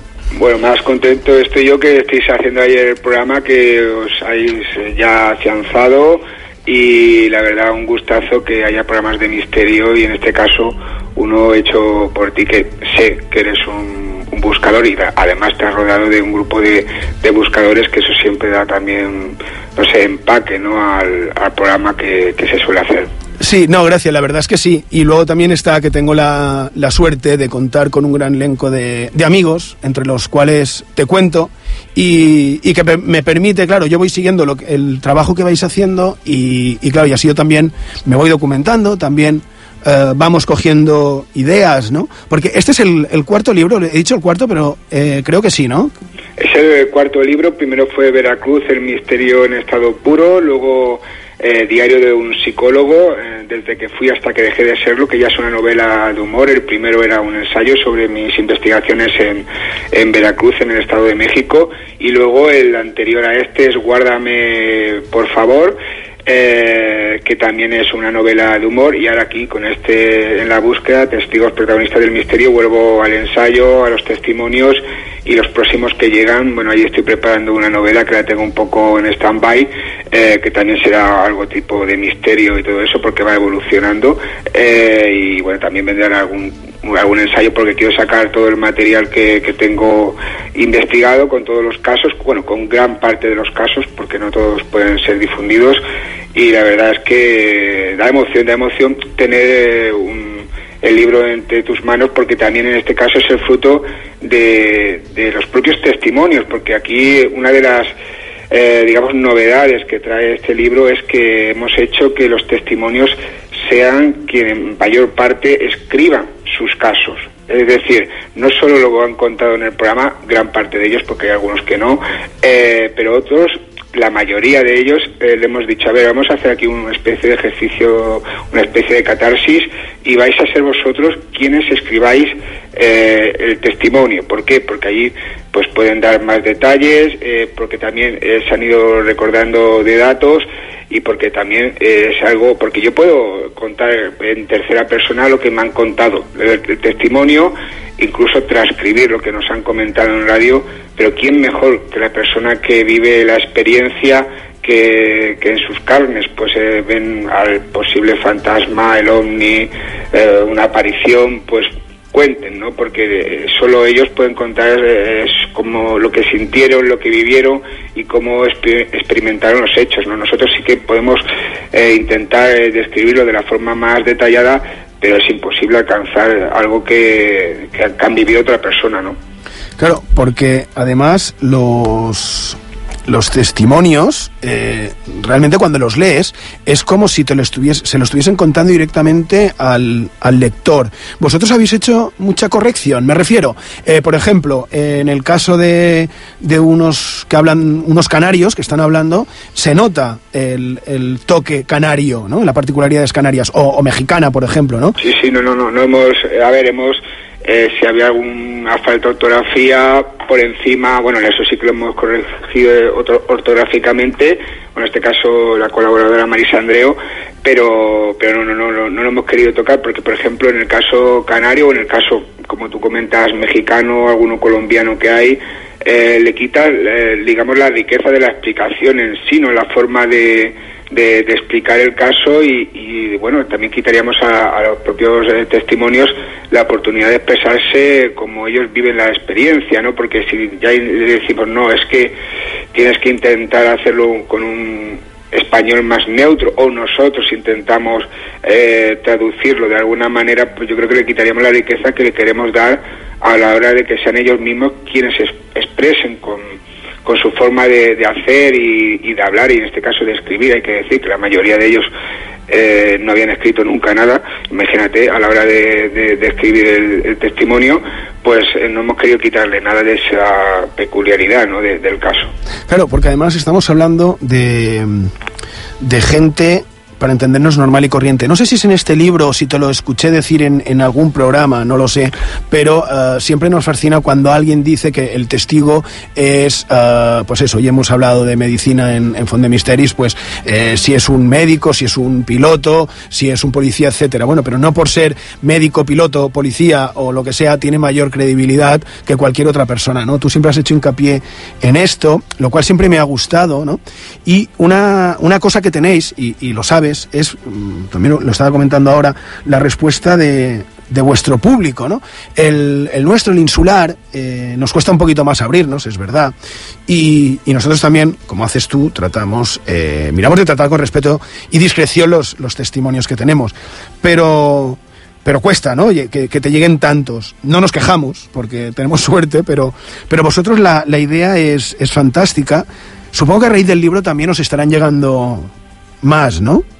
Sí, bueno, la verdad es que no han dejado de, de llegar ya por el programa, aunque ahora lo hacemos de forma eh, en especiales, como bien decías al principio, y a raíz del libro pues han seguido llegando más e incluso algunos de los testimonios que teníamos allí eh, y que tenemos en el libro nos han surgido, eh, como por ejemplo el de la, el de la Casa Sangrante de Argentina, Ahí sí. Sí, nos han surgido algunos, algunas personas que vivieron en aquellos momentos que estoy esperando, porque eso sí que tengo la oportunidad, eh, si no pasa nada, de grabarlos para, para el programa, de ampliar el testimonio, porque lo que siempre me gusta es que la mayoría de casos son casos eh, vivos. En el caso de el único, me parece, la única persona que durante eh, la realización del libro se ha muerto precisamente es el protagonista de, de- del caso de la Casa Sangrante, que es eh, Oscar Máximo Fresco. Pero por edad. Eh, no, por edad no, era, a ver, relativamente era joven, 50 y, 50 y pocos años, pero tenía una enfermedad cardíaca bastante severa. Lo que pasa es que sí que nos ha surgido algún testimonio contradictorio de, de- de aquel momento y estamos, eh, a ver, hemos verificado que realmente la persona vivió aquella época en aquel sitio y ahora pues vamos a intentar grabarlo y intentaremos emitirlo porque lo que no podemos esconder es, a ver, primero tengo que, grabarlo, ver- verificar los datos y luego ya exponerlo. No voy a, como hago en el libro y como hago en toda mi vida, no voy a cortar absolutamente nada y más siendo especiales. Eh, lo que pasa que, que tenemos que, que verificar muchas cosas porque lo que no podemos es dar, por ejemplo, en un programa de radio o en un libro, dar un testimonio y si durante el tiempo posterior nos van surgiendo nuevos datos eh, sobre el caso, sean los datos que sean, y se pueden comprobar si se pueden ir, eh, digamos, exponiendo para que, la, para que la gente vaya sabiendo la complejidad y el, y el caso en global, pues mejor, ¿no? Eh, por ejemplo, yo suelo, cuando hago un artículo o en este caso un capítulo de- del libro, me gusta dar todas las opiniones que hay sobre, sobre los casos en sí, ¿no? Para que no solo exponer la parte más paranormal, ¿no? O la, o, la parte más extraña, hay que darlo todo, porque como en todos casos, eh, siempre hay alguna persona, pues, eh, no escéptica que te niega el fenómeno, mientras que te dé datos, tú tienes que exponerlos. Al fin y al cabo somos eh, meros transmisores. Tenemos que intentar implicarnos lo menos posible en el caso, aunque ya sabes que eso es imposible porque, por ejemplo, en el caso eh, de la Casa Sangrante es algo que me impactó porque el hombre eh, muere eh, a, a la media hora de haberme mandado un último mensaje por WhatsApp. Tú imagínate eh, un ro- mal rollo tremendo, pero bueno, no tiene que ver nada co- con, el asunto porque a raíz del caso pues se convierte también, como suele pasar en, algunos- en algunas ocasiones, en investigador y me estaba hablando sobre sobre una central de, de trenes de allí de, de- de Argentina, de La Plata, que ocurren fenómenos extraños y quería investigar y me había comentado sobre novedades del asunto, ¿no? Y te, y te quedas impactado cuando, cuando no te contesta ya, bueno, que se puede pasar, ¿no? Claro. Pero a los días ya te pones en contacto con colaboradores de- de un programa donde participaba y te dicen, no, es que Máximo murió tal día, tal hora, y te quedas o sea, alucinando, ¿no? Pero bueno, casos hay bastante. A ver, eh, como tú dices, hay, precisamente estaba preparando una entrevista que, que luego grabaré a un, a un autor de, de enigmas y misterios de, Córdoba, José Manuel Morales, y una de las preguntas que le realizaba, eh, eh, o que le voy a realizar, es eh, que, que en el sur de España son un poco más abiertos a la hora de, de comentar casos. Yo creo que eh, en todos los sitios, eh, si vas, eh, no sé, de, de normal por la vida como vamos todos nosotros, y os incluyo a vosotros, eh, la gente, pues al fin y al cabo, te cuenta lo, lo que ha vivido, ¿no? Según Eso, eso sí, ¿ves? Eh, perdona que te corte. Eso por supuestísimo. Yo me refiero a que la gente tenga eh, la iniciativa de enviaros, porque a mí me consta que a ti, eh, a vosotros, a Yolanda y a ti, os llegan en vuestro programa en la búsqueda, eh, os llegan mucho testimonio sin haber sido solicitado. Nosotros eh, también, de hecho, luego si nos da tiempo comentaremos eh, uno de los últimos que, que nos ha llegado con fotografías, etcétera.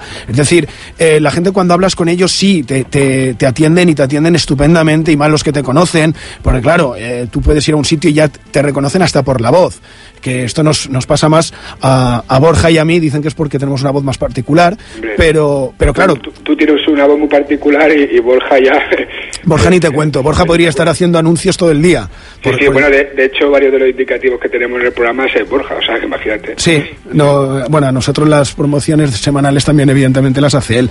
Eh, lo de la Casa Sangrante, perdona, mm, porque claro, como yo no soy eh, parte implicada, sino que simplemente soy un lector de en la búsqueda de testigos protagonistas del misterio, me ha sorprendido mucho porque yo la, la oí el tema hace tiempo, pero no la había seguido. Estamos hablando que es eh, una especie, si me permites decirlo así, José Antonio, una especie de caras de Belmez que en vez de aparecerse caras en las piedras se aparece sangre, sangre líquida, ¿no? Sangre líquida que, que acaba solidificándose. Sí, sí, es, ahora me están mirando con una cara, lo leí en el libro de ellos, y, y que incluso tiene hasta una especie de, de Men in Black, de hombres de negro, que se presentan en la casa y hay hasta una situación extraña, ¿no? Sí, además eh, has hecho una comparación bastante interesante porque porque salió en todos los medios de comunicación, como aquí sucedió con, con el diario del Pueblo, el- con las caras Sí. de, de Belmez, y hay un momento que se decide por parte de gobernación de allí de, de Argentina pues cerrar el asunto y porque había saltado, se habían hecho ya romerías al lugar, quien más y, y quien menos llegaba allí tuvieron que poder poner cordón policial porque llegaban a intentar coger eh, eh, sangre o, o lo que brotaba allí, que según algunos análisis que se realizaron en la época sí que podían tener rastro de, sangre y sí que habían surgido de forma espontánea incluso eh, limpiarse y volver a, brotar delante de gente. A ver, eso es lo que nos comentó el, el testigo y es lo que salió en los diarios y es lo que hemos- nos han comentado a algunas personas que vivieron aquella época. Como te decía, tenemos un testimonio que pone en duda el asunto, también hay que dar eh, cabida a todo el mundo y eso vamos a intentar hacer. Y nada, es un caso para mí muy impactante. Lo malo es lo que suele pasar, ¿no? Que, que no vivimos la época, que el edificio ya no existe porque hay un- otro, otro edificio lo, lo derruyeron y que tanto Abraham Fresco como Cipriana Núñez, la, la- madre y el padre de, de Oscar Máximo Fresco, también murieron y los protagonistas de los hechos. Pero bueno, eh, si, si se pudiera, ¿no? Ir allí a La Plata, recorrer el lugar y bueno, ya, ya de paso, si hay algún patrocinador que lo patrocine, pues ya ni te cuento. a ti, para, para ti, para Borja, para Sergio, para todos, para Yolanda, que nos lleve allí. Exacto. Claro, porque date cuenta que es, es un lugar que durante varios días fueron cientos de personas, eh, porque como si fuera una romería de que hubiera ocurrido allí un milagro, y estuvo la policía, estuvo todo el mundo de aquella, de aquella zona, y fue un acontecimiento. Tiene que haber testimonios a decenas, lo que pasa que claro, a miles de kilómetros de distancia es muy difícil conseguir más testimonios, pero bueno, a ver si algún día tenemos la suerte de que nos sueltan por allí y podemos re- recurrir a, a, no sé, a nuestras dotes investigativas porque es un caso relativamente cercano en el tiempo, del ochenta y pico, del 86 creo recordar. 86, sí. Sí, y, y claro, al día de hoy todavía puede haber testimonios, que eso es lo que más eh, nos interesa a los investigadores, ¿no? Intentar eh, conseguir testimonios vivos y, y- casos cercanos en el tiempo, que es lo que más se pueden recoger detalles, ¿no? Porque luego si el testimonio está ya muerto, como en este caso, como en este caso máximo, ya es difícil poder preguntarles sobre sobre lo que me, lo, lo- lo que me van a comentar lo nuevo no Claro. aunque he tenido un trato durante estos años durante bastantes años con él porque ya este caso lo sacamos en su momento en el programa Años Luz que hacía junto a mi hermana Marisol. Eh, luego lo hemos también vuelto a sacar con nuevos datos en, en la búsqueda y la verdad es que es un caso para mí apasionante A mí, me, una de las particularidades que me gustan del libro es que, aparte de poner eh, los testimonios, también pones, eh, decís, lo acabas de comentar tú, eh, la contraposición. Es decir, también la persona que eh, afirma no haber eh, visto nada, ¿no? Eh, en el caso, por ejemplo, en el de Cubellas, el, creo que era el novio de la nieta que eh, afirmaba no ver nada. Y como su testimonio era, pues yo no he visto nada, vosotros, después de decir lo que veían los demás, eh, poníais, mm, pues este chico dice que no ha visto nada, ¿no? Así sí, Fran, el, el- el novio de, de Laura eh, Tosas, nos comentó eso, ¿no? que él no dudaba de su novia, ni dudaba de, de Raúl, ni incluso de, de Pilar, la madre de la madre de Laura y Raúl, pero que él personalmente no había visto nada. Claro, y él nos decía, yo no puedo deciros algo, mentiría si yo os digo que he visto los juguetes sin batería y sin pilas funcionar y que he olido lo que Laura ha olido que le recordaba a, a Manuela Raja, su abuela, eh, no, no puedo decirlo, ¿no? Y claro, el hombre lo estaba diciendo allí, incluso lo dijo con otros colaboradores de- del programa como son Lucas Cobo y Xavier Soler, y bueno, ahí también lógicamente estaba Yolanda y yo, y pues bueno, nosotros en ese caso tenemos que poner, eh, tanto en, el programa de- del especial que hicimos de- del caso Cubellas, como en el artículo que saldrá en el mes de febrero en Más Allá sobre el tema, como en el libro, tenemos que exponer lo que hay. Es que no podemos mentir a la gente. Siempre, a ver, lo, lo fácil es quitar este tipo de testimonios y, y no sé, y darle más más relevancia a lo paranormal, a lo morboso, a lo misterioso, pero bueno, yo creo que, que al fin y al cabo hay gente que sí, que se acerca al misterio para eso, para, como, pues mira, en vez de ver una película de terror, pues eh, ve eso, o, yo qué sé, o, o- o lo del Congreso, lo que está pasando en el Congreso, o aquí en Cataluña. Pero hay gente que se acerca al misterio realmente para, para saber qué, qué- qué se esconde detrás de cada caso. Y lo que no puedes es quitarle detalles. Es como si tú vas a investigar un crimen y, y guardas eh, el arma del crimen o, o guardas al testimonio que, que te niega todo lo que te han dicho los demás. Pues, eh, no sé, teóricamente no se, no se debería hacer. El, el libro tiene eh, gran cantidad de, casos, casos que uno cuando los ve se puede incluso hasta ver representado en, los testimonios de otra gente, que repito, gente normal, eh, casos como, bueno, hemos comentado el de, el de Cubelles, pero hay uno de una Ouija en Canarias, por ejemplo, eh, un- uno que tenía unos, una especie de tiempos perdidos haciendo la mili en Sevilla, otro en el camping de los Alfaques, que también es un tema recurrente, pero de muy, si me permite decirlo así, de muy mal rollo. Está una experiencia cercana a la muerte del doctor Pertierra, por ejemplo, eh, avistamiento en Montserrat, eh, mutilaciones de ganado en, en Puerto Rico. eh, bueno, hay, hay multitud de, casos, estoy hablando así un poquito de, de memoria, y hay uno que por proximidad a nosotros nos gusta, nos, nos atrae y nos parece fantástico y maravilloso. Nos vamos a Menorca, La Mola. ¿Qué hay en La Mola de Menorca?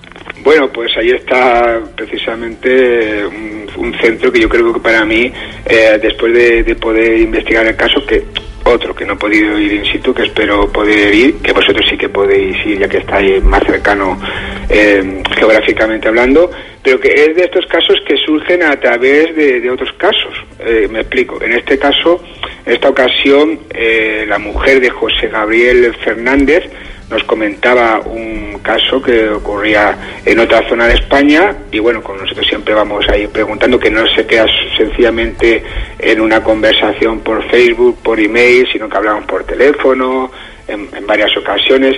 Siempre intento hablar de cosas eh, normales entre comillas y luego pues me voy intentando adentrar en el caso porque para mí es muy importante conocer a, a la persona, no al, al- protagonista de- del caso no solo cuando me cuenta el caso.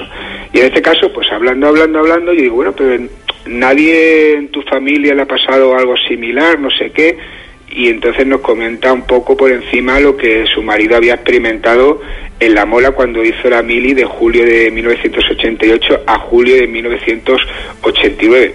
Más o menos un caso eh, reciente, teníamos el protagonista ahí, pudimos hablar con José Gabriel Fernández y nos comentó que él eh, había vivido algo bastante extraño, pero que allí ya se comentaban eh, varios hechos, como el caso de la, de la fantasma de, de Rocamari, de la condesa de, de Rocamari, que se veía como una especie de, Truculento también, ¿eh? Sí, es eh, bastante interesante, pero en este caso estamos hablando de, del fantasma de, de- esa condesa que es doña Ercelia de, Solá, eh, que, que es un personaje histórico que supuestamente se suicidó y que hay mucha gente pues que de los que allí estuvieron haciendo de, de reclutas en aquel momento hasta que dejó de ser una base militar pues eh, bueno en parte pues eh, han visto la sombra y una mujer vestida de blanco que se tiraba por el acantilado bueno, esto sucede ahí en, en la, en la mola y este caso, pues si te lo cuentan así por encima, lo trasladas a varios puntos del planeta y te pueden contar eh, cosas similares. Sí, no hace mucho eh, un oyente nos habló de un caso muy parecido al de una dama de blanco que se lanzaba al abismo eh, en otra zona militar, en este caso de la isla de Mallorca, por la zona de, de Calapí. Eh, de todos modos, bé, ja aquí som, si qualque menorquí té informació damunt el tema que mos està parlant José Antonio, que por favor mos ho, faci saber per ampliar sa, sa informació. Eh, José Antonio, no tenemos más tiempo, de momento volveremos a hablar contigo porque creo que hay muchos casos que, como acabas de decir con el de la mola, se repiten en varios lugares, hay, hay mm, repeticiones ¿no? en, en algunos de los testimonios, y si te parece, me quiero quedar con una frase tuya o de Yolanda, recogida en el libro, que dice, no podemos juzgar a los testigos, pero sí podemos aceptar o no sus versiones sobre unos hechos que pudieron o no ocurrir. Eh, al final vosotros lo que hacéis es simplemente hacer esto, hacer eh, dar voz a, unos testimonios, a unas vivencias que alguien en un momento determinado ha tenido o cree que ha podido tener, ¿no? Sí, y que, y la mayoría de ocasiones le ha hecho un cambio importante en su vida. Exacto, Y además. es que eso, eso es básico y, y sobre todo a la hora de, de acercarse a programas como, como el nuestro, como el vuestro, como otros tantos de programas que ahora hay de, de radio, que ahora est- estamos viviendo, digamos, una época dorada en radio y en, y en los libros, incluso de misterio, lo que la gente busca ante todo es ser escuchados. ¿Vale? Y, y yo creo que eso se- es lo que intentamos hacer en, en la búsqueda y luego ya intentar encontrar el origen del caso, pero claro, esta- es algo eh, harto difícil, ¿no? Porque eh, la mayoría de ocasiones no puedes a- acercarte a, a ver el testimonio en persona y tantas y, tantas cosas, pero sobre todo la gente lo que siente es, es una sensación de alivio tremendo a la hora de, de que por lo menos alguien le, le presta atención, ¿no? Porque en gran parte de los casos eh, nos han comentado su experiencia que ni siquiera le han comentado al marido, a la mujer, a los amigos, a los familiares y te lo cuentan a ti y quieras que no, pues se quitan un peso de encima, también lo comparten contigo y a ti te dan la responsabilidad también de decir, a ver, cómo averiguas tú lo que realmente le ha pasado. Pero como nosotros, ante todo, eh, no afirmamos nada, porque en la mayoría de casos es difícil de afirmar, intentaremos, eh, cuando nos llega un caso, intentamos cuando llega un caso, descartar todas las explicaciones posibles y nosotros lo vamos diciendo. Lo mismo que ponemos en el libro o en el programa es lo que hacemos en la vida real. Lo que no puedo es decir a una persona que me cuenta una experiencia como la de Rocamari eh, que ha visto y decir, no, no, esto es el fantasma de la Rocamari porque lo digo yo. Claro. A ver, no. Simplemente eh, se da voz a, a los testimonios. Por lo tanto, eh, totalmente recomendable en la búsqueda testigos protagonistas del misterio de Yolanda García y de José Antonio Roldán. José Antonio, de verdad, muchísimas gracias. Eh, un placer tenerte en Fond de Misteris. Evidentemente, seguiremos en contacto y hasta muy pronto, espero. Pues muchísimas gracias a ti, Chema, y a todo tu equipo. Y ya, yo estoy por aquí, Yolanda, para cuando queráis. Igualmente, un abrazo y un beso muy fuerte. Cuidaros mucho. Hasta pronto.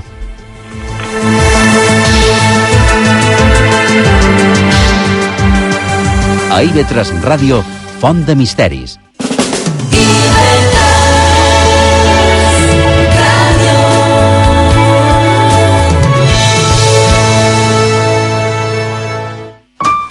Maria, s'ha acabat ja. En temes sexuals hem de ser clars i no mos hem d'amagar, eh? Ai, Joaquim, saps que n'hi ha desconeixements i no te pots fer una idea dels mites falsos que encara mos envolten. I de no pot ser, les coses s'han d'explicar i s'han de tractar. Han de dir adeu en aquest oscurantisme. No passis pena, tens solució.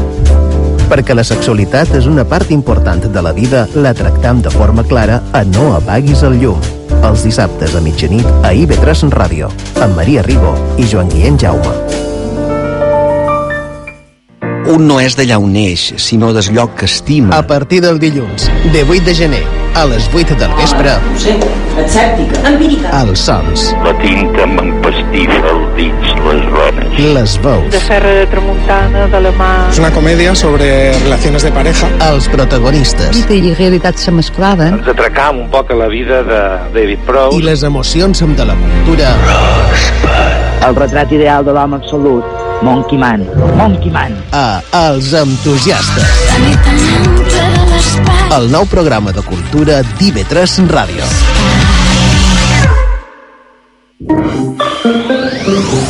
Arriba a ib3musica.com Tots els continguts musicals d'IV3 Ràdio al teu abast. Amb ib3musica.com et serà més fàcil conèixer les notícies del món musical illenc, l'agenda de concerts i les darreres novetats discogràfiques de les illes. I a més, continguts extras. Les propostes sonores de les Balears no just a la FM, ara també amb ib3musica.com Com vulguis, quan vulguis i on vulguis. ib3musica.com Te sona, sona. IB3 Ràdio, la ràdio autonòmica de les Illes Balears.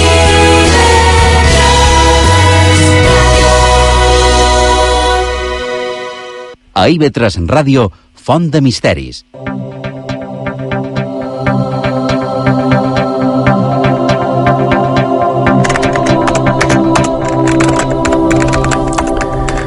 Seguim a la sintonia d'IV3 Ràdio, seguim a Font de Misteris, a internet mos podeu escoltar a iv3tv.com i també els programes ja emesos a fontdemisteris.com. I començam ara la secció de xarxes, on eh, feim menció de les coses que vosaltres mos envieu, eh, ara que hem parlat del llibre de testimonis de José Antonio Roldán, avui també tenim una preparada. Eh, El tema dels eh, llibres de Nisab eh, Martínez Valero, tres llibres, Crònica de l'Otro Lado, eh, podem dir el nom de la persona, digues només el primer llinatge, no diguis el segon, com se va posar en contacte amb nosaltres? A Facebook. Val. I de, de totes maneres eh, mos posarem en contacte amb ell de la mateixa manera que ell se va posar en contacte amb nosaltres, si va ser públicament, públicament, si va ser privadament, privadament. El seu nom és... En Miquel Robassa. I de Miquel Rabassa, a partir de dilluns, passat demà, els llibres estiran a, a, el teu abast. Uh, després te direm com i a on. Uh, teníem un missatge que han comentat, crec que l'han comentat abans. Quin missatge era? Y te digo así, hola, te envío estas fotos que hice en Mallorca el día 2 de enero, a ver si puedes encontrar alguna explicación. Las fotos fueron realizadas en un lago situado entre las localidades de Sineu y María de Salud. segonet, ves vols. El objeto en cuestión aparece en plano por la izquierda y de repente hace un giro brusco y se va en la misma dirección de donde venía. Justo antes de desaparecer de plano aparece otro objeto similar que se ve en la misma dirección. Gracias, Laura Salas. Perfecte. I de... mm, Què tenim aquí? I de... Ho tenim? Bon vespre, Xisco. Hola, bon vespre, Xema i companyia. Molt bé, molt bé. Tot bé, no? Sí, tot bé, tot bé. Aquí costa- escoltant-vos. Digue'm. Així m'agrada. Escolta, que el que vàrem estar parlant d'aquestes fotografies que eh, ens va enviar una, una oient, a Laura, eh, bé, si vols, mos podries eh, dir, explicar què surt en aquesta, què es veu en aquestes fotografies i què Mhm. pensau que, que representen, que, que és aquesta cosa estranya que, que podem veure. Val, mira, això és una associació d'unes cinc fotografies en les quals se veu un, un objecte alumini que deixa la seva empremta al llarg de tota la fotografia. Es, es veu com una llum que passa, un, jo crec que una alçada aproximada d'uns 20 metres d'altitud i, i que va d'esquerra a dreta. Això seria la primera fotografia. Només se veu el que és la llum, com a tal. Val? Com una empremta deixada, com un estel que passàs. Com un estel. Val, mos quedem Sí. amb això, com un estel. Val. Clar, és, és, home, dir-te que les qüestions tècniques d'aquestes fotografies estan...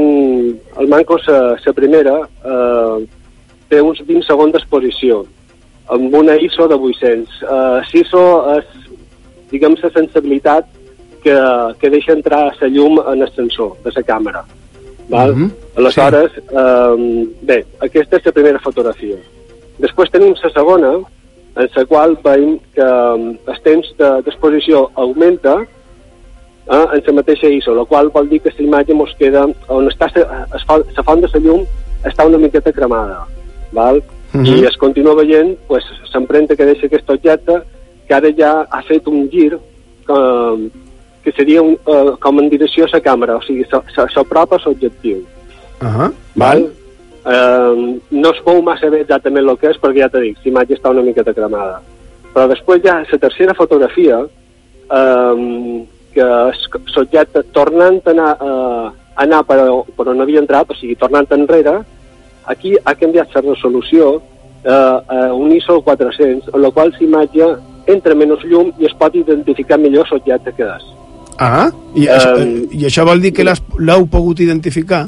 Eh, bueno, han pogut, poden deduir el que són les coses. Identificar, identificar eh, en el 100% no és impossible. Espera, abans, uh, perdona'm, abans de dir-ho, has parlat sí. de temps d'exposició, de, de ISO, etc. Uh -huh. Com saps que, tenia, que va estar 20 segons d'exposició, que Perquè- tenia un ISO 800, etc. perquè tot això queda... Quan tu fas una fotografia, la càmera eh, hi ha una sèrie de dades que són les metadades d'informació de la fotografia que queden, que, que queden incloses dins, dins l'arxiu. Val, nosaltres veiem Sí. la fotografia, però al darrere Sí. d'aquesta fotografia hi ha una informació Ja, addicional que és aquesta que dius. Val, perfecte. Efectivament, sí, sí. Val. Sí, a més, eh, la gent va tenir la gentilesa d'enviar-vos les fotografies en format brut, que és en format de RAW, Sí. amb la qual han pogut pues, pues, uh, comprar ara tot molt millor. No? Sí, perquè, aquest, varen enviar unes fotografies, ho explico per qui, qui mos Uh -huh. està escoltant, varen enviar unes fotografies, la veritat, mos, mos arriben, mos arriben coses, però aquestes mos van sorprendre més que, que les altres. I per això vos la vàrem enviar a Òscar i a tu, i mos vareu demanar això, l'arxiu RAW. Nosaltres mos vàrem posar en contacte amb, amb na Laura, que és la Això persona que mos va, mos va enviar, que va tenir la gentilesa, i eh, van ser preses a Mallorca, aquestes fotografies, i la vàrem demanar un arxiu que has dit RAW, que es diu RAW, que nosaltres li vàrem demanar i el se tenia. Jo, la veritat és que jo, jo quan faig una foto no sé si jo tenc aquest arxiu. Quan faig una foto en la meva càmera digital... Depèn, depèn de la càmera que tinguis. Hi ha càmeres que, que ho fan i altres que no. Però habitualment jo diria que avui en dia gairebé totes. Fins i tot ja hi ha telèfons mòbils que te fan l'arxiu d'aquest. Val, Eh, val. I de, sí, sí. ja ho sabem, qui vagi a cercar eh, aquestes coses estranyes, que tingui Mhm. en compte els arxius RAW perquè en Xisco i en Òscar els se puguin analitzar.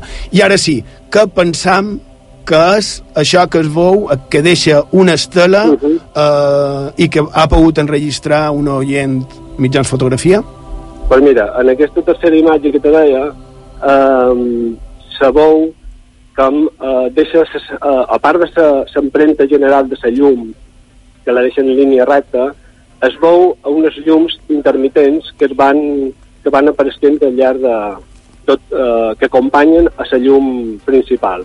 I això és, eh, són dues llums, una és de color vermell i l'altra té com un color verd-blau, perquè és, eh, és difícil de, de determinar, però que a mi me dona tota la impressió que són unes llums de navegació d'un dron. Val, a on, a on mos maten els drons tota la màgia. Eh, efectivament. darrerament eh, gairebé tot el que es veu eh, dissortadament, malauradament són, són drons, perquè m'agradaria seguir en, en sa màgia de pensar Clar, que, que era una... clar. Sí, clar, efectivament, que era una altra cosa. Però, Això és la impressió que jo tinc i és el que un pot deduir. no, ja, no, ja, o, sigui, nosaltres no, no cercam res més que això, cercam una, No, no, clar. un raonament, que nosaltres donem el nostre parer, no vol dir que, que en sabem més que, que els altres, encara que No. no, Òscar i tu sí teniu coneixements de, de fotografia per poder manifestar-vos. Però, interessant. Um, cosa més, res més a afegir? No, perquè només dir que, bueno, devia anar una miqueta lento, per això també supos que podria ser aquest, aquest objecte, perquè, clar, les exposicions són de, de 20 i de 30 segons eh, de cada fotografia, o sigui, és un, diguem que és una bona estona en la qual el diafragma de la càmera està obert i l'objecte es va movent per davant, o sigui, Val. molt ràpid no anava. Val, o sigui que era una cosa també lenta. Uh, bé, jo crec que Sergio, te, mos va autoritzar a penjar les fotografies? i de li demanem si mos autoritzen a, a Laura a dir qui és i, i a penjar les fotografies i si un cas eh, les penjaríem si mos ho permet en el, en el Facebook, Instagram i tots aquests Ara li demanem. perfecte, molt bé i de Xisco García, moltíssimes gràcies uh, per atendre'ns en aquestes hores i mm, seguim en contacte, evidentment, per això ets Això membre de Font de Misteris, o sigui que fins, Molt fins, a, molt, mil, fins a molt aviat. Cuida't. Vinga, fins aviat. Adéu, Adéu. Adéu. Adéu.